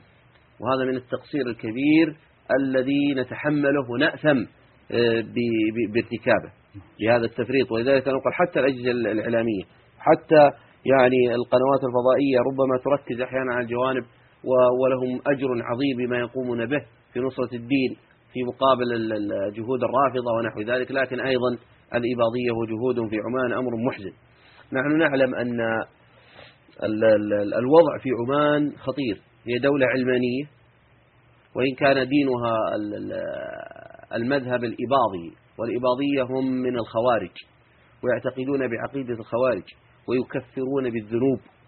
آه، ولذلك هم يكفرون أهل السنة والجماعة ويكفرون كل من ترك مذهب أهل السنة والجماعة. هذا كاعتقاد اعتقاد المذهب وما يسير عليه أئمتهم وإن كان آه، موضوع العوام هذا أخف بكثير وكثير منهم أخذه بجانب ال- التعصب ونحو ذلك وليس يعني عقيدة تامة آه، كما يسير عليه هؤلاء يعني الكبراء فيهم من قادة علمية وشرعية ونحو ذلك. طبعا عمان عددها يعني قليل لكن بالنسبة لدول الخليج تعتبر كثير يعني تعتبر ثالث دولة تقريبا آه، يعني قرابة المليونين عدد السكان. ومظاهر الفساد فيها بدأ ينتشر آه، ما يسمى آه، بالمصحات آه، أو الأماكن الصحية ونحو ذلك الذي يكون فيها الفساد والزنا والعياذ بالله وهي تبدأ بما يسمى بالمساج وغيره والخمارات وبيعها. ونشر هذا ال- مظاهر الفساد باسم التحضر. آه، لكن البلدان الأخرى لا تعلم عن عن- يعني الناس والمجتمع لا يعلمون. وسائل الإعلام يعني فيه تضييق شديد وقبضة أمنية حادة حتى في وسائل الإعلام وحتى الإنترنت. طبعا البيئة متخلفة. في جانب ال- ال- التقنية الحديثة ووسائل الإنترنت و يعني بالإنترنت ضعيف. يعني لا لا يعمل بالشكل الصحيح كما يحصل في بقية الدول. ومضيق عليه ومحجوب ومراقب و يعني بطريقة بدائية ومتخلفة وتضييق كبير جدا على أهل السنة والجماعة. طبعا أهل السنة والجماعة يشكلون ما لا يقل عن 65% من السكان. يعني فهم الأغلبية لكن لا حظ لهم ولا قيمة ولا كرامة وحتى في قضية المساجد وتوليهم لل- للإمامة. يضيق عليهم وينقلون إلى أماكن بعيدة. أما من تحول من من الإباضية إلى من الله عليه بالهداية وأصبح من أهل السنة والجماعة فالغالب أنه يؤذى إيذاء يعني ويعاقب وتصدر الفتاوى بعدم الجواز خلفه الصلاة خلفه وينقل إلى أماكن يعني وم- ومساجد بعيدة. بل يعطى ورقة يعني ال- الخطبة تعطى ورقة يقرأها. بل حتى الكلمات يخصص لها كتاب يقرأ منه ولا يتجاوز بحرف وقضية المراقبة في كل مسجد من المساجد بطريقة وهيمنة وتضييق يعني أمر محزن للغاية. آه، طيب ناخذ نعم، اتصال. مداخلة. طيب. مداخلة من آه، الأستاذ بدر الحمادي من البحرين. السلام عليكم ورحمة الله وبركاته. السلام عليكم ورحمة الله. وعليكم السلام السلام. ورحمة الله وبركاته. جزاكم الله ألف خير على كل مواقفكم الطيبة الشريفة النابعة من ديننا الحنيف وعروبتنا ووحدة المصير. الحقيقة مملكة البحرين مثل ما الكل عارف الرأي العام المحلي والدولي أن هناك تعطل شبه تعطل للحياة الطبيعية. وهناك الكثير من يدعو الله عز وجل أن تمر هذه القامة. هذه القيمة السوداء من على مملكة البحرين بخير وسلام. ونحن وأنا كإنسان بحريني بسيط أقول الحمد لله رب العالمين. على كل نعمة على كل ما كتب الله علينا لأن الحمد لله رب العالمين. هذه المشكلة وحدت قلوب المخلصين في هذا الوطن. وحدت قلوب أهل الجماعة أهل السنة والجماعة على الخير. وانتبهت لله عز وجل وترابط المجتمع من جديد واتضح الطالح من الصالح. والحمد لله رب العالمين. نحن بخير والحمد لله وندعو من الجميع أن يدعو لنا بالنصرة وبالخير وبالسلام. نحن دعاة خير وسلام. نحن لا دعاة شر ولا حروب. نحن لا نرضى إلا بالسلام وديننا هو الإسلام والحمد لله رب العالمين. اللهم اهدينا إلى خيره وهداه اللهم ثبت قلوبنا على الحق دائما أبدا. اللهم من أراد فينا شرا اللهم لك أن تجعله مشغولا في نفسه. وارجع كيدهم في نحرهم. يا رب العالمين. أما وضعنا الحمد لله رب العالمين. بخير وبركة ونقول لإخواننا جميعا بالصبر والهدوء من منطلق القيادة الرسمية جلالة الملك الذي أوصى ولي عهده الأمين صاحب السمو الملكي الأمير سلمان بن حمد بالهدوء بالهدوء والطمأنينة والعمل ضمن الكيان البحريني الواحد وعدم الخروج على الشرعية والقانون. ونحن مرتضين جميعا بميثاق العمل الوطني الذي صوت عليه شعب البحرين بنسبة 98.4 من عشرة بنعم للميثاق الذي انبعث منه دستور مملكة البحرين 2002 الذي رسم الحقوق والواجبات والسياسة العامة لمملكة البحرين والجميع ارتضى بهذا الشيء. أما نأتي اليوم بعد مرور عشر سنوات وأن ينقلب البعض وأقول البعض ينقلب على المشروع الإصلاحي الذي أقره الشعب بنسبة 98.4 من عشرة فهذا خروج على الشرعية وخروج على كل مسميات الحقيقة والثوابت. ونحن كشعب البحر لدينا الآن أربعين نائب يمثل الشعب انسحب منهم 18 وبقى منهم 22 نائبا يمثلون الشعب وهم الأغلبية. ونحن مرتضين بهذه الأغلبية الشرعية وهم يمثلون خير تمثيل. ونحن في الوحدة التجمع الوطني. بقيادة فضيلة الشيخ الدكتور عبد اللطيف المحمود مطالباتنا الشعبية حضارية. وفيها الخير للجميع بدون تفرقة وبدون عنصرية وبدون أي علامة من علامات التهميش. نحن شرائح البحرين كلها نفتضينا بهذا المشروع الإصلاحي وسوف نسير فيه. ونحن لا زلنا مؤمنين بالله عز وجل بقيادتنا حكام آل خليفة وبشعبنا الذي نادى في مركز الفاتح الإسلامي بأكثر من 300 ألف احتشدوا. يقولون نعم للشرعية ونعم للدستور 2002 نعم للميثاق وللمشروع الإصلاحي لجلالة الملك حمد بن عيسى حفظه الله. نحن مهما كنا الله عز وجل بين الكاف والنون يجعل كل شيء مستحيل ونريد الصبر وسوف نأجر على الصبر ونريد الحكومة أن تعمل ونريد المجلس النواب أن يعمل والسلطة تعمل السلطة التشريعية والسلطة التنفيذية والسلطة القضائية تتعاون ما بينها بعمل ودوران العجلة التنموية والسياسية والاجتماعية كما كانت. ولكن من يريد التعطيل أعتقد أن الرأي العام الدولي جمعاء عربيا وأجنبيا مطالب للاحتكام بما يعمله البعض وأكرر البعض والخروج عن الشرعية والقانون. فإن تجمعهم غير قانوني.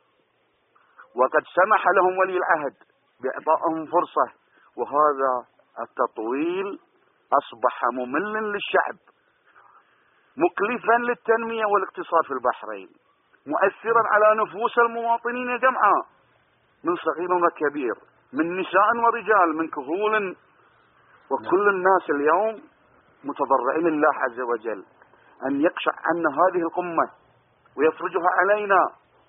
ونقول لإخواننا في الخليج العربي وفي الوطن العربي ولكل شريف حول العالم نعم نسمع أصواتكم. يا من تؤيدون لنا نحن ممثلين 22 عضو مجلس نواب انتخبناهم انتخابا حرا مباشرا سري من أجل يمثلون في مجلس النواب نحن نطالبهم بدفع عجلة التنمية الوطنية والسياسية. في المشروع الإصلاح جلالة الملك. ونحن مخلصين لهذا التراب ولوطننا العزيز الذي لا يتجزأ من الخليج العربي والوطن العربي. طيب أستاذ بدر الحمادي شكرا. أشكرك على هذه المداخلة وقد أوضحتم كثيرا من الأمور. شكر الله لكم. ما زال معنا اتصال الأخ سلطان من مكة. طيب اتصال أخي يا شيخ بعد طيب. اتصال من سلطان من مكة. السلام عليكم ورحمة الله. السلام عليكم. وعليكم السلام ورحمة الله وبركاته. ورحمة الله حياكم الله. أحيي قناة اتصال أتمنى من الله العلي القدير أنها تواصل. طيب باختصار يا أخ سلطان باختصار على عجالة تكفى.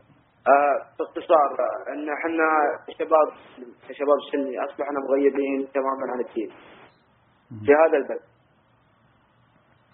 هناك حرب تقام عليها. حرب خفية من العلمانية الليبرالية وخاصة من الشيعة ولا هي ذلك الآن نحن أصبحنا جهلاء صراحة. لا ندري عن أمور ديننا. أصبحت المساجد خالية من بحيث ما تكن متتابعه لكن بعد الاحداث هذه اللي صارت الدول العربية اصبح الآن مساجدنا كيف تقام الدعوات والأنشطة الدينية؟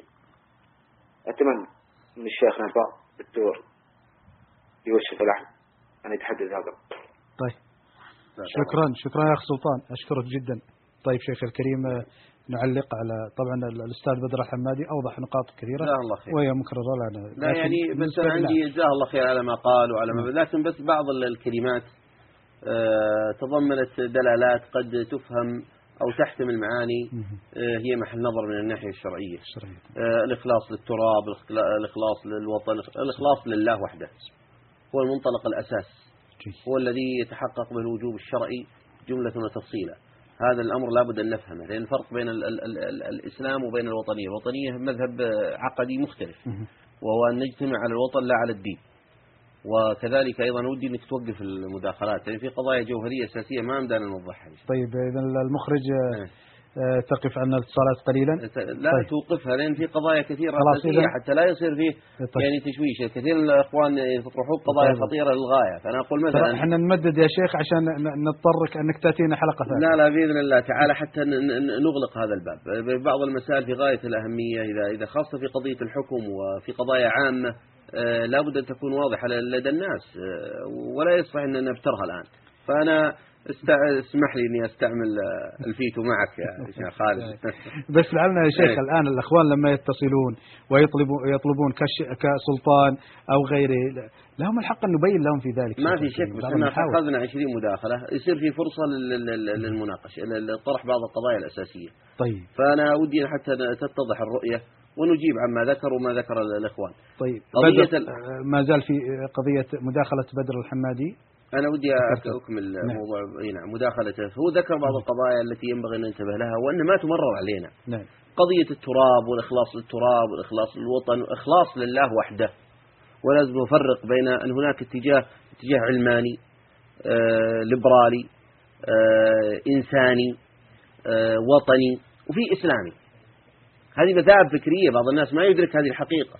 الإنسانية مذهب فكري عقدي إلحادي. هذا يدرس في كتب الاعتقاد ويعرف. فبعض الناس تمشي على الإنسان يظن أن المعنى المعنى العامي عند الناس لخدمة بعض المسائل المتعلقة بالإغاثة هو نفع الناس بشكل عام وإطعام الجائع. هذه هذا هذا معنى ينطلي على بعض البسطاء لكن هو منطلقة عقدي لإزاحة الدين. وأن يكون بدل انطلاقة ما تكون شرعية وإسلامية وانطلاقة إنسانية لا علاقة لها بالدين. فهذا مذهب عقدي لابد أن ننتبه له. أيضا المنطلق القومي. لما سقطت القومية أتى بديل وهو القومية ال- الوطنية. لتكون بديل. فيكون اجتماعنا على الوطنية ولا أنا في الوطن وليس في الدين. ومثل ما يظل العلمانيون والليبرال. الليبرالية ما هي؟ الليبرالية كفر بالله جل وعلا بمفهومها الغربي وهو أن الحكم آه، يعني التحرر من كل القيود. لا قيود شرعية ولا غير شرعية. آه، فهذا جانب هو في الحقيقة يعني ينبغي أن يكون واضحا لدى لدى الجميع. وأنا أنشئت يعني بس أفصل أيضا جزئية مهمة في قضية ال- الحكم لله جل وعلا. كثير من الناس يقول نريد الديمقراطية.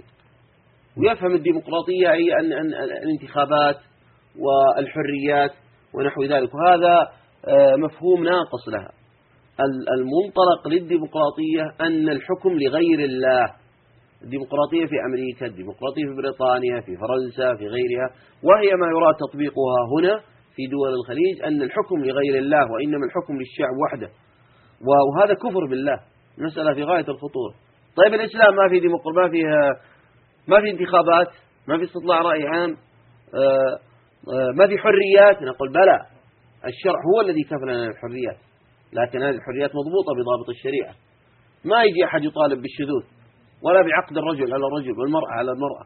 ويطالب بدور البغى وبالخمور. نقول هذه حسمها الشرع انتهينا سمعنا وأطعنا. لا مجال لها لل- لل- للمناقشة.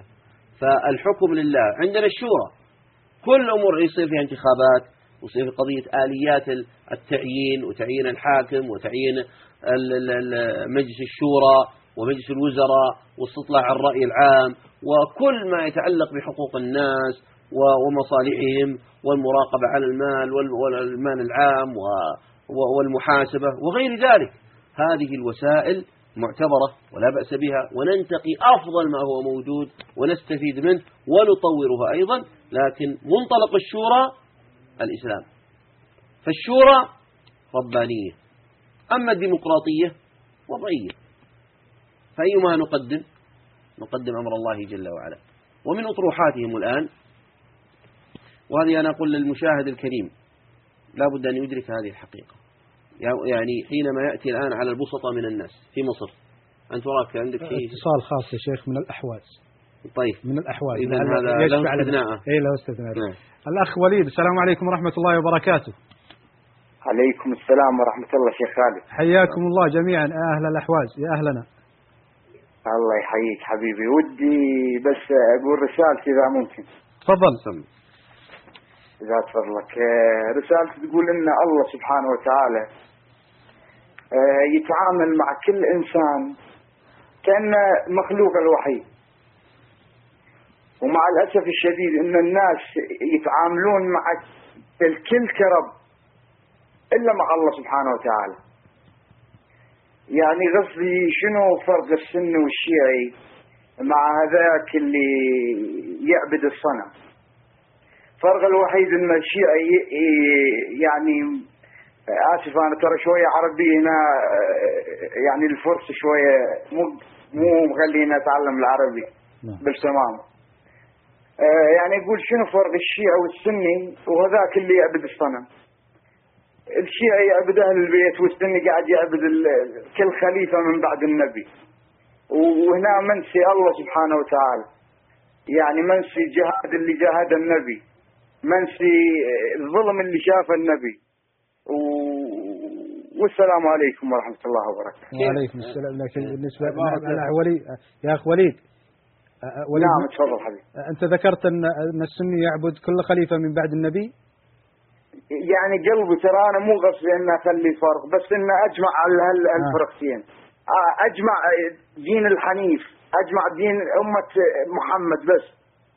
لا ال- ال- النبي صلى الله عليه وسلم الدعوة الإسلام هي دعوة التوحيد وإفراد الله بالعبودية. أما الإمام صح، أما. الشيعة الرافضة فهم الذين عبدوا غير الله ودعوا غير الله وجعلوا هناك آلهة لهم من دون الله وهم الأئمة الاثنى عشر.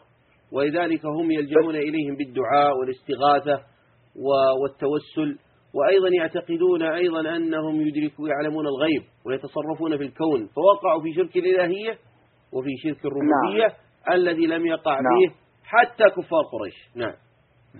جزاك الله خير. قلبي أنا ودي أطلب طلب بس إذا ممكن. تفضل. آه، أنا ودي رقم الدكتور عادل. فعندي فد مواضيع على ال- هالفتنة اللي قايمة فعلا.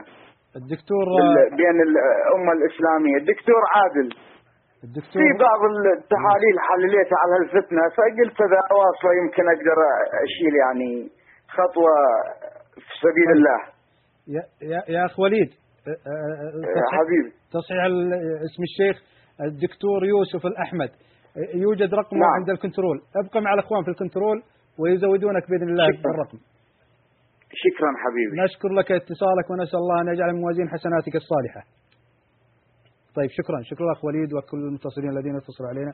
طيب نعود شيخي الكريم إلى الفرق. ذكرتم الآن توقفتم الديمقراطية والشورى. الفرق بين الديمقراطية والشورى والتوضيح في ذلك. نعم أحسنت. آه، ذكرنا المنطلق أن الديمقراطية وضعية وأن الحكم فيها للشعب بينما ال- الشورى ربانية من عند الله جل وعلا والحكم فيها لله وحده والشعب يتشاورون ويتناقشون ويرشحون ويصوتون فيما هو في دائرة المباح. في أمور حياتهم كلها الإعلامية والاقتصادية والصحية والبلدية والشوارع والمستشفيات وحقوق الناس والرواتب كل هذا باب مفتوح من يعني مما أحل الله جل وعلا. لكن إذا جئت إلى قضية قد حرمها حرمتها الشريعة فلا يقربونها أو أمرت بها الشريعة فلا بد من الاستجابة لها. آه، فما يناقشون هل نقطع يد السارق ولا لا؟ هذا حكم الله ما نناقشه. سمعنا وأطعنا. وهكذا آه، آه، في نقطة آه، تلتبس أحيانا على بعض الناس ويقوم بها أعداء الدين في في هدم هذا المفهوم الشرعي. فيأتون مثلا ويقولون يأتون إلى عوام الناس هل تريد دولة مدنية؟ تعتني بالمؤسسات والجوانب الحضارية وحقوق الناس أو تريد دولة دينية؟ فيعطي انطباع أن الدولة الدينية تزمت وتشدد ومنع الحقوق واستبداد و... فيقول العامي لا أريدها مدنية يعني هذا وهذه طريقة ضالة وخطأ جسيم. هم الآن ما يقول لك أريد دولة لا تحكم بالإسلام لا.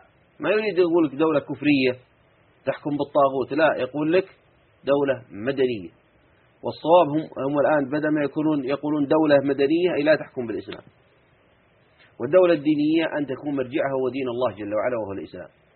فإذا كان بهذا المفهوم فيجب أن نعلم أن الحكم الحكومة الدينية هو الواجب أي أنها تلتزم بشريعة الله. لكن التي تلتزم بشريعة الله هي التي تتحقق فيها الحقوق المدنية للناس جميعا ويتحقق فيها جانب الحريات وتحفظ فيها حقوق الناس التي كفلتها شريعة الله جل وعلا للمسلمين وغير المسلمين. هذا أين؟ إنما يكون الالتزام بحكم الله وبشريعة الله والتي تسمى ويسمى بالحكومة الدينية حتى إن بعضهم من جرأته وتعديه والعياذ بالله يقول إن دولة النبي صلى الله عليه وسلم كانت مدنية ولم تكن دينية. كلام خطير خطير جدا جدا وطعن آه، عظيم جدا في هدي النبي صلى الله عليه وآله وسلم وسنته. وهذا من الخطأ الجسيم الذي لا بد من الانتباه له. وكنت أحدهم اتصل علي مرة من الليبراليين من خارج المملكة ويقول أنا أؤمن بليبرالية عمر بن الخطاب وهو الليبرالي الأول. فقلت بكل بساطة لكن عمر بن الخطاب يرى وجوب قطع يد السارق ويرى الرجل الزاني محصن و- فقلت أجب ما رأيك في هذا؟ آه، فيقول لا ما خلاص ما يعني ما أدري كيف أتوا بها ال- ال- ال- الشورى والانتخاب والبعد عن الاستبداد هذا الذي أمرت به الشريعة. والله جل وعلا يقول وشاورهم في الأمر. وأمرهم شورى بينهم. هذه الشورى مطلوبة. وأكون وآليات ذلك والطرق والاقتراع والانتخاب والتصويت واستطلاع الرأي العام وهذا كل هذه وسائل وأدوات نستفيد الأفضل من الموجود في تطبيقه أنا أقول هذا الموضوع لخطورة وأهميته. بعض الناس انطلع عليهم الأمر وتغير عليهم الحال حتى إنهم قالوا خضوعا وخنوعا واستسلاما للواقع الغربي. قالوا بأن الديمقراطية هي طريق الحكم بالإسلام وأننا ما نستطيع نحكم بالإسلام حتى نأتي من طريق الديمقراطية. وإذا جئنا للديمقراطية واستسلم- واستسلمنا لها فإن الشعب أغلبه مسلم وإذا كان أغلبه مسلم فيحكم بالإسلام وهذا خطير وباطل لأنك أقررت الباطل والمنكر. وأن الحكم لغير الله ما من حقك ولا يجوز لك أن تت... هذا كفر. ما يجوز لك تستسلم له. وربما يكون في بلد وفي مكان وكذا أنهم يأخذون بغير ال... ولا يصوتوا للإسلام. فأنت لا تملك هذا الحق ولا القول به لأن الأمر قد فصل فيه الله جل وعلا وأمر به أن يكون الحكم لله. وحده وقد سردنا الأدلة غير مرة فيما مضى نعم. طيب. آخر اتصال شيخي الكريم من البحرين. سم هبة. هبة من البحرين. السلام عليكم ورحمة. الله. على السلام. السلام سلام. ورحمة الله وبركاته. على عجالة يا أختي أهلا. لو سمحت الشيخ بغيت بس أضيف آه، عندي مداخلة بسيطة. إحنا حاليا خلاص بدنا نعرف خطر الصفويين وبدأنا نعرف تضافرهم مع الليبيين وهذه واضح طبعا في الإعلام. فالخطر بالنسبة طبعا لنا إحنا كأهل سنة وجماعة آه، هو خوفهم منا في عقيدتنا وهذه أثبت التاريخ ذلك بأن إحنا قوتنا في عقيدتنا. إذا القضية مو بس قضية عندنا بحرين أو سعودية وإنما الخطر والمد الصفوي لإقامة الدولة الفارسية. أنا أوجه كلام حق الشيخ لماذا لا يجتمع علماء أهل السنة والجماعة من إخاء من خلال إقامة جمعية؟ هذه الجمعية شهدتها نصرة قضايا أهل السنة في كل بقاع الأرض. تهتم بحقوقهم مطالبهم مظالمهم تطرح فيها أهم القضايا مثل قضية الذين قتلوا في العراق السنة. ليش ما نطرحها ونقدم لها جمعية حقوق الإنسان؟ ونطالب بها. ويدعمها هذه رجال رجال الحكومة المخلصين على الأقل يجتمع مشايخ أهل السنة وإصدار بيان أو إصدار فت- فتوى تدين الصفويين. لأن الحين خلاص بدأنا ندرك فعلا الخطر اللي قاعد يواجهنا. مثل اليهود شلون كونوا لهم دولة يهودية. أظهروا مظالمهم وأظهروا حقوقهم كونوا لهم. إحنا الحين عندنا فرصة. ما يحدث في البحرين والعالم العربي يعتبر فرصة للعلماء المسلمين الآن للتحرك لأن الحكام فعلا الحكام في حاجة أهل السنة أكثر من أنهم يكونوا في حاجتنا لأن أهل السنة والجماعة لا يخرجون علي ولي الأمر.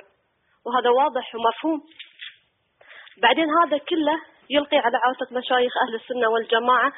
مع العلم بمدى القيود التي تفرض عليهم واجبهم الآن تأكيد عقيدة الولاء والبراء ونشر الكتب وغيرها من الوسائل لمحاربة هذا الخط بما عليه يمليه شر. فإذا حقق علماءنا هذا الشيء ومشايخنا بإذن الله وبنصرة أهل السنة فلن نكون موالين لا حاكم ولا حزب ولا جمعية وإنما راح يكون ولائنا لهؤلاء العلماء. ونقال لهم ومشايخنا. شكرا شكرا يا أخت هبة شكرا شكرا طيب شيخ الكريم إذا عدنا إلى الديمقراطية والشورى هل يلتقيان في مصلحة أو في تحقيق هدف بغض النظر عن خلينا نقول؟ الخلاف في المنطلق وربما يعني مم. وضحنا هذا نعم. هذا منطلق الحكم للشعب وهذا كفر للديمقراطية مم. أما في الإسلام الشورى في الإسلام فمنطلقها هو هو أن الحكم لله وحده نعم. هذا توحيد هذا من من التوحيد لله أن أن لا يكون الحكم إلا لله والطاعة لله وحده. وليس لل- للمخلوق أن يعبد من دون الله. هذا دين وعقيدة وصنم آخر بهذا المعنى اللي هي ال- ال- الديمقراطية الوضعية الغربية. أنا ودي أني الانتخابات. ذكرنا بأن الانتخابات والاقتراع والتصويت واستطلاع الرأي العام وهذه أدوات ووسائل وآليات للتنفيذ. هذا مباح ووسائل ونتخذ منها الأفضل والأنسب من الواقع الموجود ونطوره أيضا فيما وما يوافق الشرع فيه وتنبه إلى بعض المخالفات فيه آه، ليحقق أعلى درجات ال- ال- النفع بإذن الله تعالى وحفظ الحقوق نعم. التوحيد والعقيدة وما ذكر الأخوان أن هناك كما ذكرت أم محمد من البحرين أنه قد يكون قصور في إظهار العقيدة الصحيحة في البحرين وكذلك شارك في الأخ سلطان من مكة بأنه قد قصر كثير من الدروس الشرعية في كثير من المساجد. هل هناك رجعة لهذه ال- ال- ال- الدروس الشرعية؟ في هذا الوقت كفرصة للعلماء وللدعاء في ذلك. وكذلك مملكة البحرين يريدون أن وكذلك الأخت هبة آخر متصلة. ألا ألم يحن الآن للعلماء وللدعاة؟ ومنهم يوسف الأحمد دكتور يوسف الأحمد بأن يكون لهم تجمع ولو نصف سنوي أو آه، سنوي لإصدار بيان مما يتعلق بأوضاع الأمة الإسلامية. ألا يكون في ذلك بإذن الله؟ آه، تقوية لهذه الطائفة ونصرتهم وأقل شيء كما يقول ال- ال- المثل المصري عيار ما يصيب يدوش.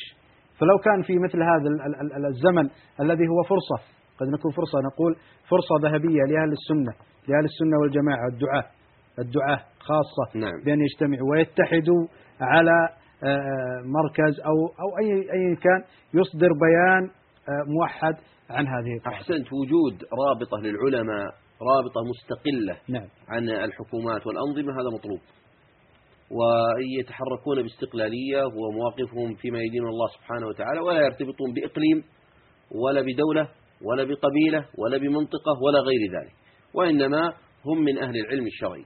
وهناك بعض الجمعيات ال- ال- أو المؤسسات آه، العالمية في هذا آه، في عدد الآن من المؤسسات التي تقوم بهذا الدور لكن المطلوب أكبر من ذلك وأن تؤدي دورا أعظم آه، في الأمة.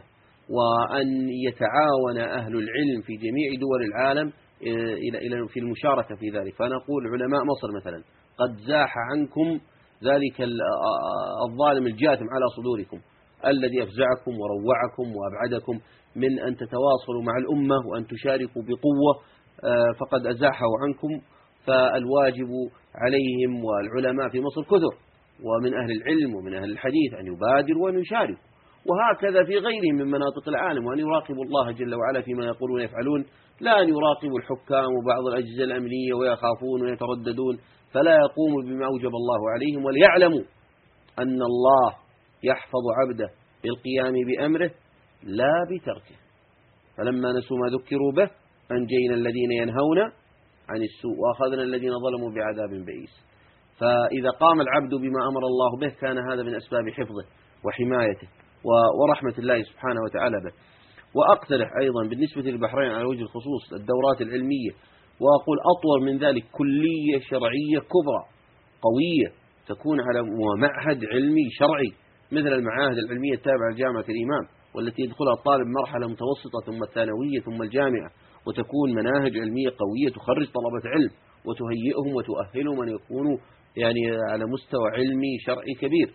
وأنا ليس لدي تصور واضح عن هذا الوضع هل هو له وجود؟ أنا أعرف أن في تربية وكلية تربية ودراسات إسلامية ونحو ذلك الكلية الشرعية بمناهج شرعية كبرى آه، لا أعلم أنها موجودة في البحرين.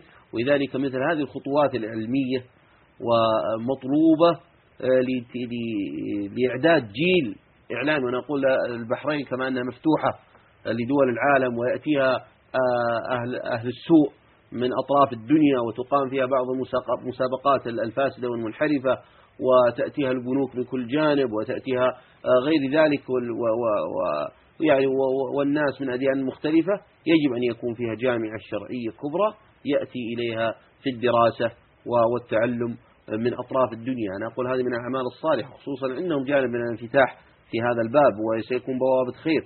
وحينئذ سيأتي أهل العلم من المملكة ليدرسوا فيها. وأنا ما عندي مانع أن آتي مشاركة يعني آه، أخوية في هذا الباب. وغيري أيضا من من المشايخ وطلبة العلم. لو يقال لهم يعني مجانا لا نريد ريانا لكن نبيك تجي يوم في الأسبوع أظن أن هناك عدد كبير جدا سيأتون يوم أو يومين في الأسبوع أو نحو ذلك بشكل مستمر مدة فصل أو فصلين أو ثلاثة أو أربعة أو غير ذلك يعني. ممكن أن تكون هناك آلية أكبر من ذلك آه، حتى تقام تهيئة وإعداد جيل علمي. وإن كانت هناك دعوة شرعية قوية الآن منتشرة في البحرين وإقبال ودعوة وأنا رحت وشاركت والتقيت بعدد من طلبة العلم هناك وفي المساجد والمحاضرات والتقيت بشرائح مختلفة من طلبة العلم. فالخير كثير ولله الحمد لكنه يحتاج إلى المزيد. آه طيب نعم. الأخ سلطان الأخ سلطان فيما ذكر. فيما ذكر أنه كذلك يشترك مع الأخوان ولكنه بصورة أخرى على الداخل هل ترون أن هناك الآن أصبح قصور في تدريس في تدريس أو ما كان يدرس في المساجد والجوامع؟ وقد أنه قد يقصد بمنطقة معينة لا وهي المنطقة الغربية. هل هل قل هل قل التدريس العلم الشرعي في تلك المنطقة؟ كما ذكر الأخ سلطان من مكة. الذي أعرف أن في مكة كان هناك آه، آه، يعني خلل حصل في الفترة الأخيرة وقصور من تضييق على المخيمات الدعوية والتضييق على حلقات تحفيظ القرآن آه، وهناك تحرك كبير من أهل العلم والمشايخ لكن أرجو أن يكون الأمر على أحسن مما كان عليه بإذن الله تعالى والمطلوب ما هو أكبر أن يكون هناك أشبه بالدورات المتقدمة. والمعاهد والأكاديميات كما يقال التي تعطي فصول تعليمية فصل أو فصلين أو ثلاثة وملخصات وجامعات مفتوحة يعني بحيث من كل من أراد في في جدة أو في مكة أو من الوافدين أو يعني من الموظفين ومن آه، مهندسين وغير ذلك من أهل البلد وغيرهم يقول ودي أدرس علم الشريعة فإذا به فيه يستطيع خلال ثلاثة أشهر أن يأخذ دورة علمية متكاملة يخرج بها. ويمكن أن تنظيمها أيضا حتى من خلال المساجد في الدورات الصيفية مدة أسبوع مكثفة أسبوعين ثلاثة وتكون بشكل جيد. وممكن أيضا أن يكون لون آخر وتكون من خلال وسائل الإعلام وما يسمى بالتعلم عن بعد. ويمكن أيضا أن يكون من خلال دورة علمية من خلال قاعات وفصول يدخلها وبرنامج واختبار ودراسة ومناهج يدرسها ويقرأها وواجبات حتى يستطيع أن يلم بعلوم الشريعة. نعم. هل نركز على الخارج ونترك الداخل؟ بالنسبة للدعاء أمثالكم أحسن الله إليكم. الجميع. الداخل والخارج. المشاركة نحن لسنا إقليميين ولا نرتبط ببلد وجنسية والأخوة في الدين. إنما المؤمنون إخوة. وربما يكون حق الإخوة في غير هذا البلد أكبر. يعني إذا جئت لكلية الشريعة يعني فيها المئات من العلماء والمشايخ وأساتذة الجامعة. المئات. يعني قسم واحد في أكثر من مئة. جامعة الملك سعود أعضاء التدريس في قسم الثقافة الإسلامية. يعني أكثر من مئة. غير المحاضرين والمعيدين. يعني عددات ضخمة ضخمة ضخمة جدا من الخير والصلاح. لكن أظن أنهم لو اتيحت لهم الفرصة للمشاركة العلمية آه، في الداخل وفي الخارج آه، وتحركوا هم أيضا لكان خيرا عظيما على الأمة. نعم. لا يكون هناك تحجيم مثلا على الدعاة في الخارج من هذا المنطلق؟ ما فهمت قصدك. يعني إذا كان الدعاة يريدون أن ينطلقوا مثلا لا يعني أو تجمعهم مثلا في منطقة معينة الآن يشكو الأخ سلطان في مث- مثلا مكة. لأن نضرب مثل لأنه ذكر ذلك الأخ سلطان. هل هذا لتجمع طلبة العلم أو مثل ما ذكرتم في جامعة معينة إسلامية كجامعة الإمام محمد بن سعود الإسلامية وتركهم لبعض المناطق؟ هل هذا آه، كاختياري أم تحجيم لهم بعدم التنقل؟ آه، يعني وجود الجامعات الشرعية في مناطق المملكة هذا أمر مطلوب وتنوعها. وذهابهم إلى تلك الجامعة لا يعني تركهم لبقية المناطق. وممكن أن يعني مثل جدة المفترض أن يكون فيها كلية شرعية. آه، والكليات الشرعية المفترض تكون في متاحة في كل البلدان. يوجد عندنا في المملكة مع الأسف الشديد أكثر من خمسة آلاف شخص يدرسون علوم الشريعة خارج المملكة. خارج في المملكة السودان وفي اليمن وفي الأردن وفي لبنان وفي مصر وفي آه، باكستان وفي بريطانيا ولنظرة ضيقة مع الأسف الشديد عند وزارة التع- التعليم العالي آه، أن هذا آه، يعني لا يخدم سوق العمل. يأخذ علم شرعي هذا ما ما تقيده بذلك. آه، كثير من زملائنا أخذوا الماجستير والدكتوراه من من خارج المملكة. والصواب أن يكون الأمر متاح لهم. وتفتح الكليات الشرعية الرسمية وتفتح الكليات الشرعية في التعليم الخاص. الكليات الأهلية. ما المانع من هذا؟ لماذا تضيق؟ هذا خطأ خطأ فادح. هذا عدوان كبير جدا على على تعلم علوم الشريعة وفتح الباب في هذا. بل الصواب أن يعاد النظر ويترك المجال للجميع للتعلم ونشر العلم والانتفاع ويكون هناك جامعات وكليات شرعية تتهيأ وتؤهل لذلك. الحرم المكي يا شيخ دوره في المنطقة. كذلك. لا شك يعني أن يكون عامرا مؤثرا داعيا مبلغا للجميع. نشر العلم لا يمنع منها أحد. نشر العلم لا يمنع منها أحد أبدا بل يجب أن يكون متاحا وأنا ذكرت هذا كثيرا وكررته بالقيام داخل المملكة وخارج المملكة وما أقوى وأجود ال- ال- التعليم المنظم معاهد علمية وكليات شرعية. آه، يتخرجون من خلالها متعلمين للعلوم الشرعية وحفظة ومتقنين لكتاب الله ولسنة النبي صلى الله عليه وسلم. آه، أنا ما أدري عن الوقت عشان يدهمنا وبقي كم نقاط بقى كثيرة لا ما كم بقى دقيقة دقيقة؟ دقيقة شيخي الكريم. هذا دقيقة شيخي طيب أنا الكريم. أختم. بخاتمة حتى يبقى لنا فرصة في آه، آه، ختمة ال- ال- البرنامج. طيب أنا البقي النقطة عندي في موضوع آه، عمان. آه، عمان هي من يعني من أفقر الشعوب مع الأسف الشديد وهذا الذي يجعل كثير منهم يتحول آه، إلى المذهب الإباضي ال- المنحرف. وللمعلومية الإباضية لا يعتنون بحفظ القرآن ولا بالسنة لا تجد بينهم حافظ ولا معتني بالسنة ولا ولا أي عمل حتى إبداعي ومطور إلا, إلا النادر القليل يعني. وأما الحفظ لا, لا تكاد تجده. وبينهما من التلاقي مع الشيعة جانب ليس بالقليل. آه، آه، فيه تقصير كبير جدا من قبل دعوة من قبل أهل السنة والجماعة. لا يوجد عناية بال- بالإعلام. وحفظ حقوقهم والدعوة إلى الله سبحانه وتعالى والعناية بذلك. وأنا أدعو قابوس وحاكم عمان أن يتقي الله جل وعلا وأن يرفع الظلم عن شعبه وعن أهل السنة والجماعة والحمد لله وصلى الله وسلم صل وسلم على نبينا محمد. بهذا التوجيه الكريم من شيخي الكريم آه، أحبتي في الله نشكر لفضيلة شيخنا الكريم آه، الدكتور يوسف الأحمد على مشاركته في حلقتنا لهذه الليلة. نشكركم شيخ. حياك الله. أحسن الله إليكم وأفاد بما قلتم. وأنتم كذلك أحبتي في الله آه، نشكر لكم اتصالاتكم ومداخلاتكم ونسأل الله أن يجعل ما سمعتم وما رأيتم في موازين أعمالكم الصالحة وأن ينفع بها ونسأل الله لجميع أوطان المسلمين وخاصة الدول العربية بالأمن والإيمان آه، والصحة في الأبدان كذلك وأن يحفظ مملكة البحرين من شر الأشرار وكيد الفجار. إلى آه، حلقة قادمة استودعكم الله. هذه تحياتي وزملائي كافة في فريق العمل استودعكم الله. والسلام عليكم ورحمة الله وبركاته.